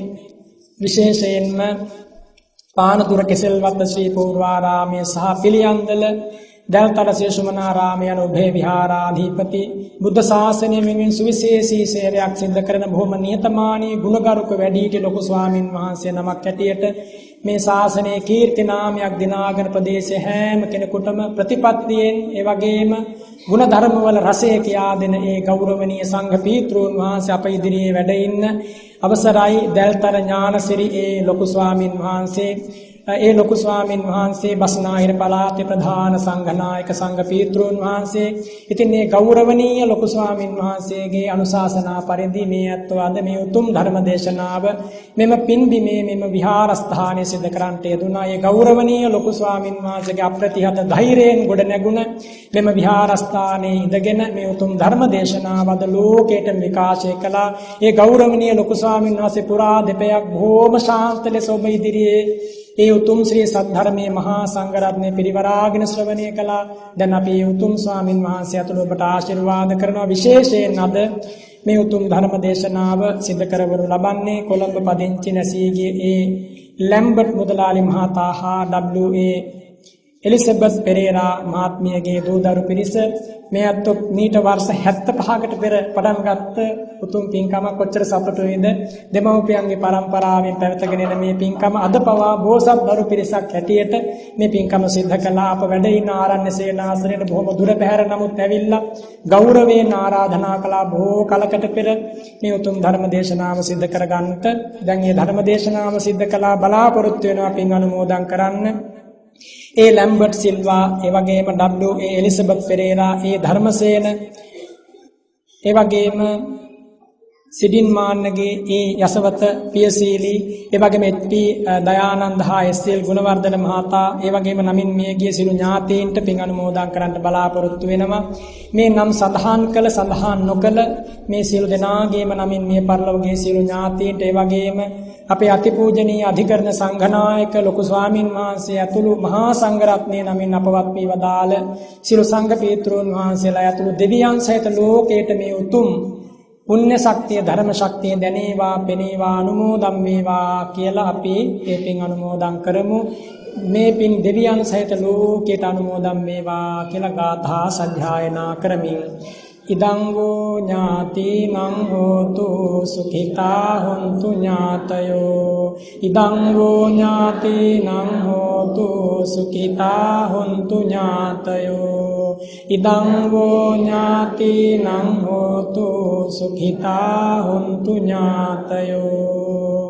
එත්තාවතාච අම්මේහි සම්භතං පුඤ්ඤ සම්පදං සබ්බේ දේවා අනුමෝදන්තු. සම්බ සම්පත්ති සිද්ධියා। සබ්බේ භූතා අනුමෝදන්තු। සබ්බ සම්පත්ති සිද්ධියා। සබ්බේ සත්තා අනුමෝදන්තු। සබ්බ සම්පත්ති සිද්ධියා। ආකාසත්තා ච භුම්මත්තා දේවානාගා මහින්దికා। පුඤ්ඤන්තං අනුමෝදිත්වා। කන්තු ශාසනං චිරං රක්ඛන්තු දේශනං චිරං රක්ඛන්තු ත්වං සදාති. මම දැන් ඔබ සිල් දෙනාටම ආශිර්වාද කරනවා. ඒ මේ උතුම් ධර්ම දේශනාව සිද්ධ කරන්නට සියලු කටයුතු සංවිධානය කරපු ඒ පින්වත් පිරිස ඇතුළු ඒ වගේම මේ විහාරස්ථානයේ ලොකු ස්වාමින් වහන්සේ ඇතුළු සෑම සිළු දෙනාටම මේ උතුම් ධර්ම ශක්තියේ බලයෙන් නිදුක් නිරෝගී සුව සැලසේවා දීර්ඝායුෂ සම්පත් ලැබේවා ඉතුරු වෙලා ජීවත් වෙන්න තියෙන දින කිහිපය පිනෙන් පුරවා ගන්න සීලයෙන් ගුණයෙන් ජීවිතේ පුරවා ගන්නට ලැබේවා.